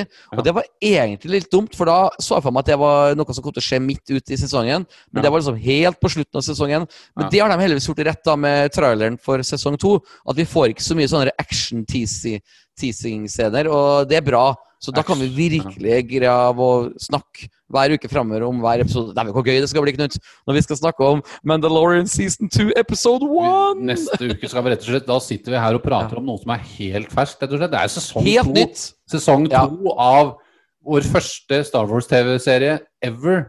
Hvis vi bare Ja, ser bort fra Evox og eh, Holiday Ja. Special. Ja. det er jo ikke en TV-serie. eh, Nei da, men eh, du, for all del. Men du, du må jo gi terningkast her, for det her er jo egentlig the season finale. Føltes det som en season finale for deg? Ja, absolutt. Altså hele Det, det, det er to, to sammenhengende episoder som gir oss så mye ja. underholdning, så mye action, så mye hjerte, så mye morsom morsom Star Wars-humor. Eh, Ja. Alt annet er selvfølgelig like bra som det har vært hele sesongen i forhold til eh, animasjon. Og Tie Fighteren ser ut som den, den er der, rett og slett. Og, eh, og eh, altså dette, dette, dette her er bare det, den, den, eneste tingen jeg hadde å si på på episode 8, var det der med at det, You can't shoot your way out of this, liksom. De har allerede Ja, de, de har ja. skutt seg i en hel bataljon Ja. i fillebiter med så det, Ja. det, så det var litt sånn litt Og så står det bare liksom ti stykker. Ja. De kunne ha liksom mata på litt mer der, men det, det blir sånn sånne Ja. små logiske brister eller plotthull. Det, det, det eksisterer altså. Det, det trekker ikke dette her ned fra en eh, blank sekser for meg. dette her også. Så det er en eh, blank sekser på begge to. Jeg er 100% enig. Taika Watiti var et meget smart eh, casting choice som regissør.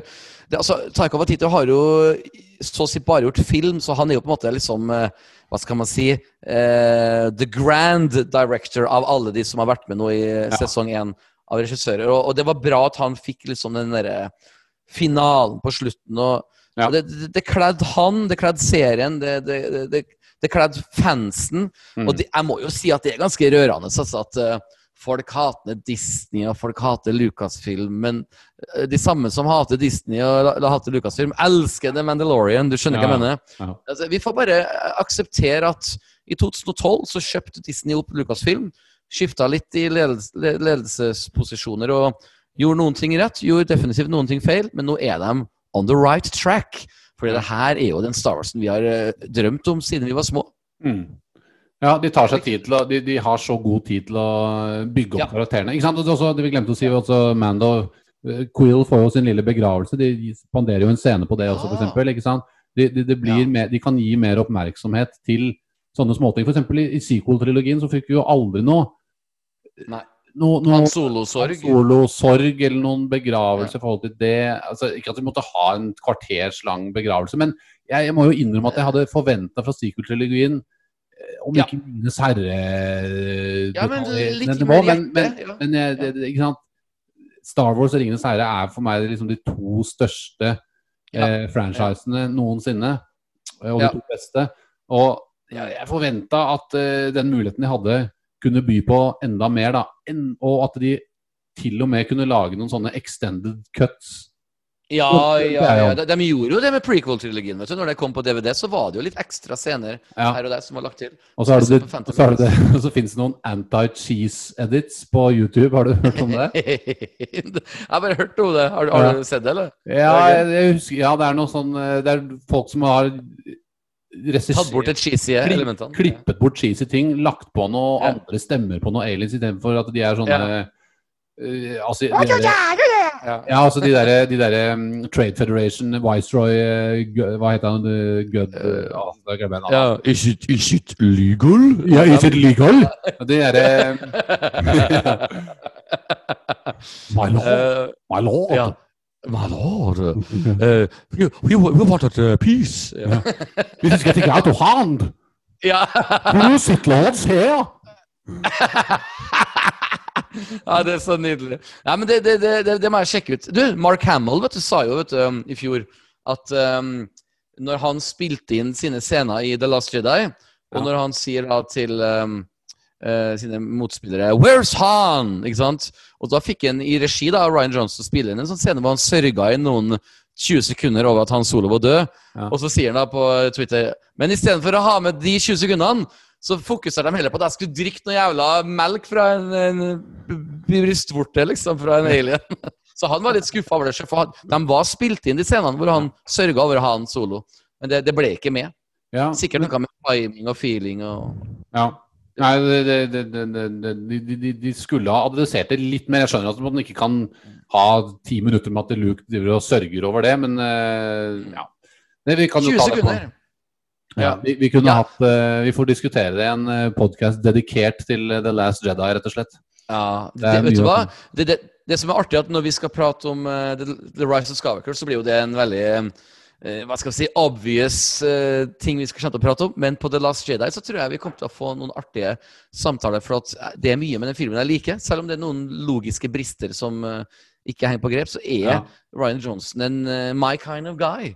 Ja. Jeg, må, jeg må si det. altså. Absolutt. Ja. Han, ja, ja. så at, eh, det, det blir veldig Han- veldig spennende. Og da skal vi også ha gjester med og slike ting på podkasten. Og han, eh, han skulle jo lage en trilogi eh, til Ja. Ryan Johnson. De har aldri Helt gått ut at han ikke skal gjøre det. De, det er ikke kommet noe offisielt om det er, at det er kansellert. og Det har ikke kommet noe offisielt om at, det, at han fortsatt driver med det.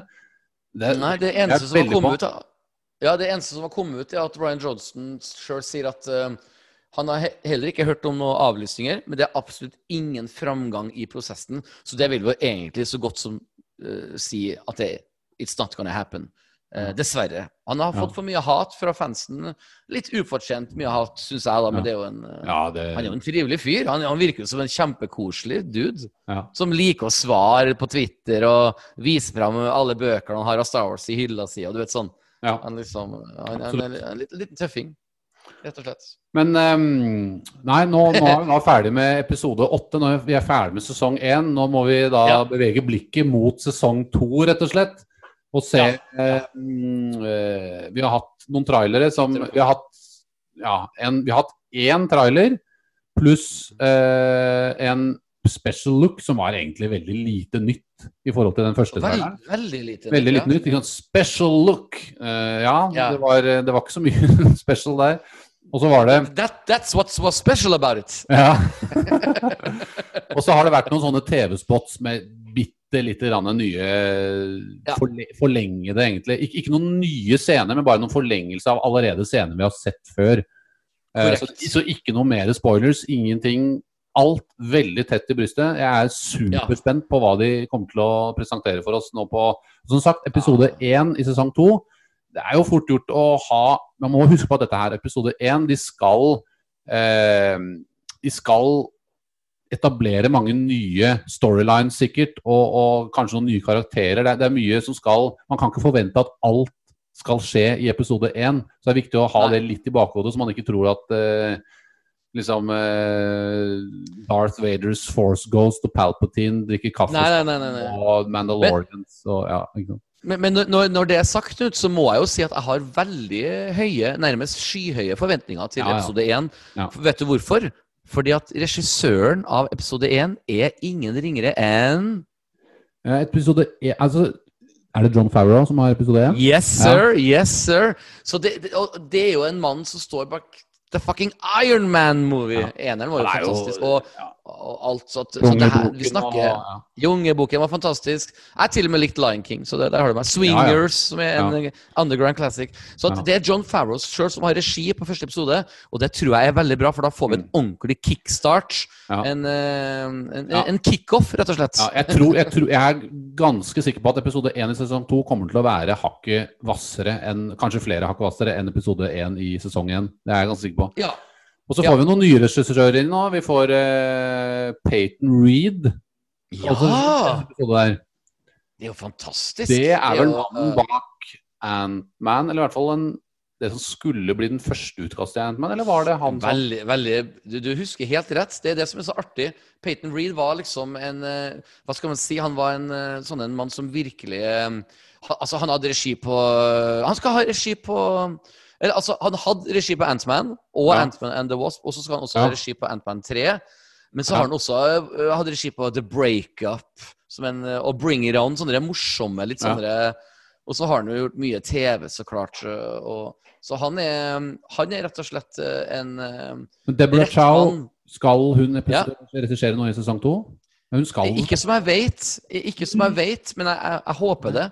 Um, det. Hun har nok tida til det, for hun har gjort mest TV. Så at, uh, det er ingen store filproduksjoner i gang der for hun enda. Så, men iallfall Peyton Reed blir, blir fantastisk, for han uh, jeg, jeg elsker jo Antman-filmene. Ja, ja, de er kjempebra. Eh, spesielt Ja. den første. Eh, Ja, ja, ja, helt, helt magisk. Ja. Så han også er nok en eh, Og de også Ant-Man-filmene er jo også en kombinasjon av eh, hjerte og action og humor, som mange andre Og Og, og hjelm. Ja. Og hjelm. Hjelm, ja. Han er sånn uh, He's a great helmet director. Director, ja. Og, og samme John Farrow med Iron Man 1 og 2. Hjelm der òg, liksom. Ja, ja, ja. Iron Man er jo egentlig The Mandalorian, hvis man Ja, det- tenker på det. Det Eller er mye av de samme posene. ikke sant? Han går tøft bortover der og ser kul ut. ja. Så, nei, fader, vi sesong to om to dager. Den, den slippes også ganske tidlig på morgenen, tror jeg. Uh, I Ja. Ja. tid. Så jeg tror man kan se den allerede veldig tidlig. Jeg får ikke sett den før på kvelden på fredag, men eh, Ja, det, det blir Men, nok litt sånn. eh, Jeg er faktisk DJ på fredagene. eh, På et diskotek eh, i Trondheim som heter for Diskoteket. Ja. Det mest originale navnet. Det er sånn, det er sånn kredklubb hvor man bare Ja. får lov til å spille vinyl, Ja. ukjent funk og ingen Ja. hits. Det vil si at hvis publikum sitter og hører en, låt de har hørt før, så får Ja. jeg klager. Hvis du skjønner ikke, Det skal bare være ukjent funk. Så jeg skal stå der da fram til to om natta. Og så tar jeg kjapp taxi hjem for å se The Mandalorian. Så det blir en bra fredagskveld. altså. Det blir det. ja, ikke sant. Funk og Star Wars. Kan det bli bedre? Ja, det, det må bli en indisk uh, matbit før uh, DJ-jobben, så blir det bare en, en triple treat. Ja. Ja, ikke sant. Også episode én også er ganske er lengre enn episode én i sesong én også. Så jeg har hørt Oh. rykter om at den er ganske lang. Eller sånn Åh. Ja sånn 45-ish, kanskje. Ja, jeg lurer på kanskje det var rundt 50 minutter eller et eller annet sånt. er Mulig jeg tar feil, men det, er jo eh, en, det, er jo, ja. det er jo en minifilm. Ja, ikke sant? Og det, jeg, jeg tenker at det kan være kult at hvis de bruker litt tid på å bygge opp sesongen i første episode, Og du skal Ja. bringe inn uh, mye elementer her med Jedis og det, det, Ja, det kan være en god idé. Ja. Altså, ha litt tid å gå på der. Eh, Vi, vi er jo snart ferdig med podkasten, men før vi avslutter, så må jeg jo spørre deg Hva er det du forventer deg av storyline i eh, sesong to? For at eh, selve storyline på sesong én kan jo egentlig beskrives med syv setninger. Uh, hvis du skjønner hva jeg mener. Så så, men hva er det jeg, jeg Vil at det skal være veldig mye fokus på Baby Yoda og Mando, eller skal det være det at det dukker opp nye uh, spennende karakterer? Eller hva tenker du? Nei, altså det jeg forventer mest, er jo måte, utvidelse av, den- av den storyen med Mandalorians. Og mm. eh, at, de, at de dykker mer ned i den, den konflikten mellom Mandalorians og eh, The Empire, eller nå som det er Mhm. rester av imperiet. da. Eh, at de på en måte eventuelt kan time litt opp for å avenge, for å, liksom avenge Mandalore mot Ja. Moff Gideon. Da.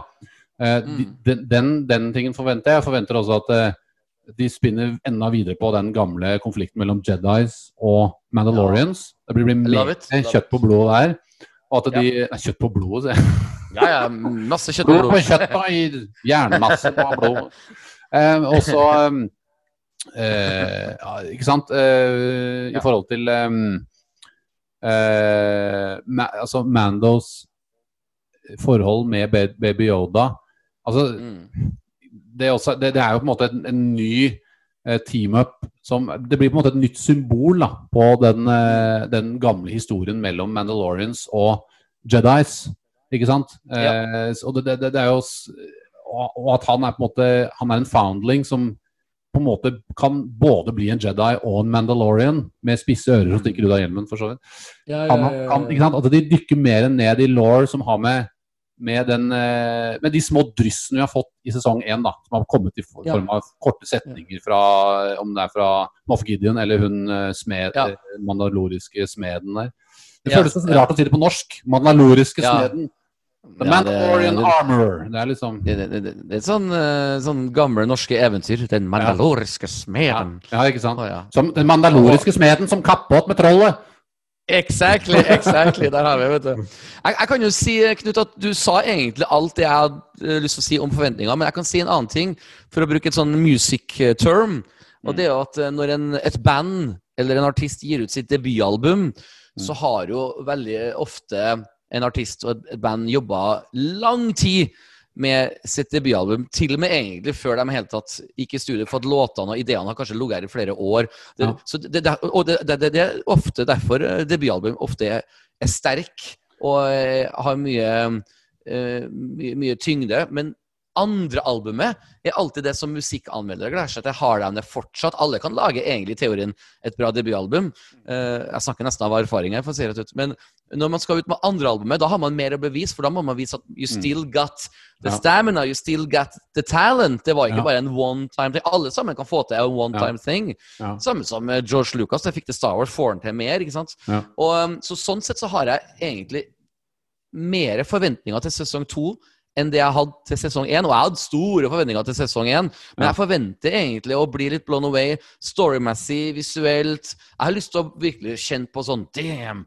Season two! That was the shit! liksom. Ja. Så at, eh, jeg, jeg må ærlig innrømme at eh, jeg, jeg vil nesten bli skuffa hvis den er svakere enn sesong én. Noe Ja. som jeg så klart ikke tror. Men nå, nå har hele verden blitt introdusert siden oktober i fjor. Så har vi Mm. snakka om Mando, Baby Yoda. Nå er vi plutselig liksom i november, altså et Mm. helt år etterpå.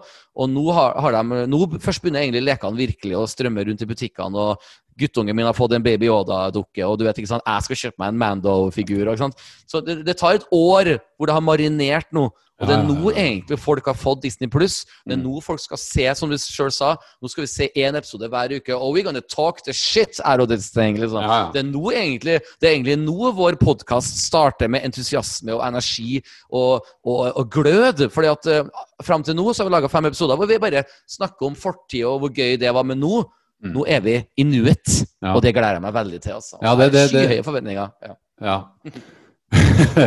og det jeg også forventer av sesong to, er eh, Det sa jeg litt i stad. Jeg forventer at de utvider galaksen litt sånn rent geografisk. At de drar til litt nye steder. Ja. Og selvfølgelig Altså veldig mye kul action i sesong én også. Men jeg forventer jo også at action er minst like bra. Kanskje enda Ja. hakket mer episk. Men de, de må jo selvfølgelig passe seg for at det ikke blir bare visuell støy. Fordi at det er, altså, eh, Star Wars handler veldig mye om at bakenforliggende de actionscenene som eksisterer, så ligger det veldig mye eh, følelser og familietragedie bak. ikke sant? Når, når Luke slåss mot Darth Vader i slutten av Return of the Jedi, ikke sant? det er jo en kul Mm. actionscene, men det ligger så mye law og så mye historie bak bak den der, så det er, det er veldig viktig at ikke de bare lager action bare for actions skyld. da. Jeg håper at den Ja, fortsetter å være der den er nå, men den kan, Ja. kan godt bli mer episk og mer storslagen, selvfølgelig. og Det, Ja. det tipper jeg at det gjør, for at eh, budsjettene blir vel sikkert ikke dårligere. Nei. Og, Med og, ikke være, ja, og ikke være redd for å få inn stjerneregissører som insisterer på å putte sin egen eh, i, i, touch, eh, fingeravtrykk på det. Altså, I, I, I'm all for that. Ja. Star Wars er en lekeplass. Man skal ikke være for lik eh, andre Star Wars-ting. Altså, Det Ja. det er så tydelig at uh, når du har man, eh, folk som John Farrow og Dave Filoni ikke? På, de, på de har jo ikke vært til stede på filmene, og det merkes. Fordi at det, Mm. er ikke, det er ikke så sammenhengende. Dette her er så sammenhengende, det er så gjennomtenkt. Uh, det, jeg undrer meg litt over at ikke de har hatt en samme type hva skal jeg si, businessstruktur, eller hva skal jeg si, selskapsstruktur, når de lagde filmene. For det er jo på en måte Kathleen Kennedy som har på en måte vært produsenten, og hun er jo produsent på denne her også. Men her har de hatt sant, to personer som bare går all lauren i sømmene ikke sant, og Ja, ja, dobbeltsjekker ja, ja. alt. og du, du- merker det på alle intervjuer med regissørene og, og de skaperne bak. Du merker det i episodene. Du, du, du merker det overalt. At de, Ja. de, de, de respekterer alle detaljer som har vært før, og hva som kommer til å komme komme etter. Eh, så det er, eh, det er utrolig med, det grunnlaget så tror jeg de bare Sky's the limit for hva de kan få til Ja, med denne ja, serien. her altså. Og andre Star Wars TV-serier. Hvis den her fortsetter bare å bli en suksess, tenk deg hvor fete de andre ja. oh. seriene blir. Kenobi, Cassian Andor. Det ryktes, om en, eh, det ryktes også om et, et Darth Bane-serie, var det også snakk om. Det var også snakk om en, en, kvin, en kvinnelig Ja. eh, En female-driven Female driven, en, en kvinnelig drevet, Ja, ja. som da sannsynligvis kan jo være Sabine Wren, det kan være Soka Tano, det kan være også, ikke sant? masse sånne kule ting. Det har også vært snakk om Ja. Kylo Ren altså, Det har vært snakk om så mye, da. Det er selvfølgelig mye som ikke blir noe av, men det er klart de diskuterer jo alt rundt i bordene på i Lucasfilm. Det, det er jeg rimelig sikker på. Så Ja, det, det, det, det er en stor, stor lekegrind, og nå har de teknologien til å få det til å ikke bli altfor dyrt til, med tanke på TV-serieproduksjoner. har det stagecraft-teknologien som er Korrekt. helt fantastisk, rett og slett. Og det var jo det George Lucas snakka om i 2005, og når han hadde lyst til å lage en eh, TV-serie som han droppa, for han merka det ble for dyrt, for teknologien Ja. var ikke der ennå. Men nå er han her ennå. Altså, ja. nå er han endelig. Ja, du snakker om den uh, underground uh, Ja, uh, under, Underworld, tror jeg det Ja. heter. eh, Ja, ikke sant? Det fins, det finnes jo en, eh, en sånn test footage-klipp Yes. på YouTube. Ser ganske kult ut. Ja, ja, ja. Eh, ja, Så George Lucas han, eh, han eh, hadde store planer om å lage TV-serier. Han fikk jo selvfølgelig gjennom Clone Wars og sånn, da, men eh, Ja. Ja. Men den live action TV-serien som han snakka om i 2005, den, det ble visst skrevet rundt 100 episoder. Ja, så det, det finnes på. det finnes, Så det, det er nok å Mm. Ja, så det, it's out there. It's, eh, eller ikke out there, men det er i Lucasfilm-kartoteket. Ja, ja, ja. kartoteket Ja. i, i filene deres. Så det er Jeg bare håper de pøser på. Ikke være redd for å være raus. Gjerne kom med både én og to i året, for min del, altså. For at eh, Disney Pluss trenger nå å vinne og knuse eh, Netflix. Altså, de kommer jo til å gjøre det, herregud. Det sier jo seg sjøl. Eller Netflix så kommer til å bestå, men det kommer til å bli en ordentlig eh, stor konkurrent i Disney Pluss. ja, ja. Så det er veldig Det er helt opplagt. Jeg abonnerer på begge. Ja, ja. Det må Netflix og Disney Pluss utfyller hverandre bra, da. Det gjør de. De gjør det, vet du. Mm. De gjør det, vet du. Det er akkurat det. Så nei, du, jeg gleder meg sykt til neste uke. Ja. Det, jeg og du kommer sikkert til å sende en melding til hverandre på fredagsnatta, tipper jeg. Etter vi har, ja Ja, hvor det bare står 'fy faen'. ja. Så du den der du dukket opp i slutten av altså? Vi må spille inn podkast i morgen! Ja. Jo, Men eh, men vi, vi, vi, finner, vi finner en dag. Vi finner et Ja. tidspunkt. Vi har tida. Ja. Komme, vi kommer så fort som mulig med en um, dyp analyse og anmeldelse av uh, episode 1 sesong 2. Det er bare to dager til. Ja, fantastisk. Fantastisk. fantastisk. Det blir, det blir helt magisk. Så ønsker jeg deg masse lykke til videre med West Side Story. Det er vel premiere snart, er det ikke? Ja, 4. november, ja. 4. November, ja. samme dag som vi da skal ha podcast. Ja, ja, ja, ja. Og, og presidentvalg. Så det Ja, blir en, det er mye eh, som skjer, selvfølgelig. Men eh, Ja. man, dere vet hva dere skal høre på. Det er ingen av de tingene. Det er Ja. Må gjerne er høre podkast først. Ja. Ja, ja, ja. Jeg, jeg, jeg, jeg skal selvsagt prøve å komme og se West Story. Jeg har veldig sansen for han, han hovedrolleinnehaveren fra Toten. Sondre. ja, ja, han virker som en utrolig flott fyr. Som jeg gleder meg til å se på scenen. Virkelig. Absolutt. Vi hadde prøver i Ja. går, så det, det blir veldig bra. Ja. Det der, altså. Det er, det det er artig å få inn litt sånne nye fjes i musikalbransjen. Ja, Den, ja, ja. er så, den er så øh, vanskelig å komme inn i den øh, greia der. Det, det vet Ja. jeg alt om. Så få inn litt nye fjes, det Ja. tror jeg bare kan være godt for alle. Ja. Virkelig. Så det blir spennende. Har ingenting med Star Wars å gjøre. Ja, ja, ja. Toppen, Knut. Uh, may the funk be with you. Jeg avslutter med å si You can't win, Darth. High ground! jo da. Nei da, mm, så um, Jo da. Nei da. Så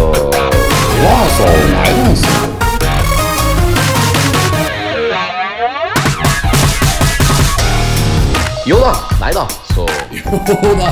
Nei da. Så Jo da. Nei da.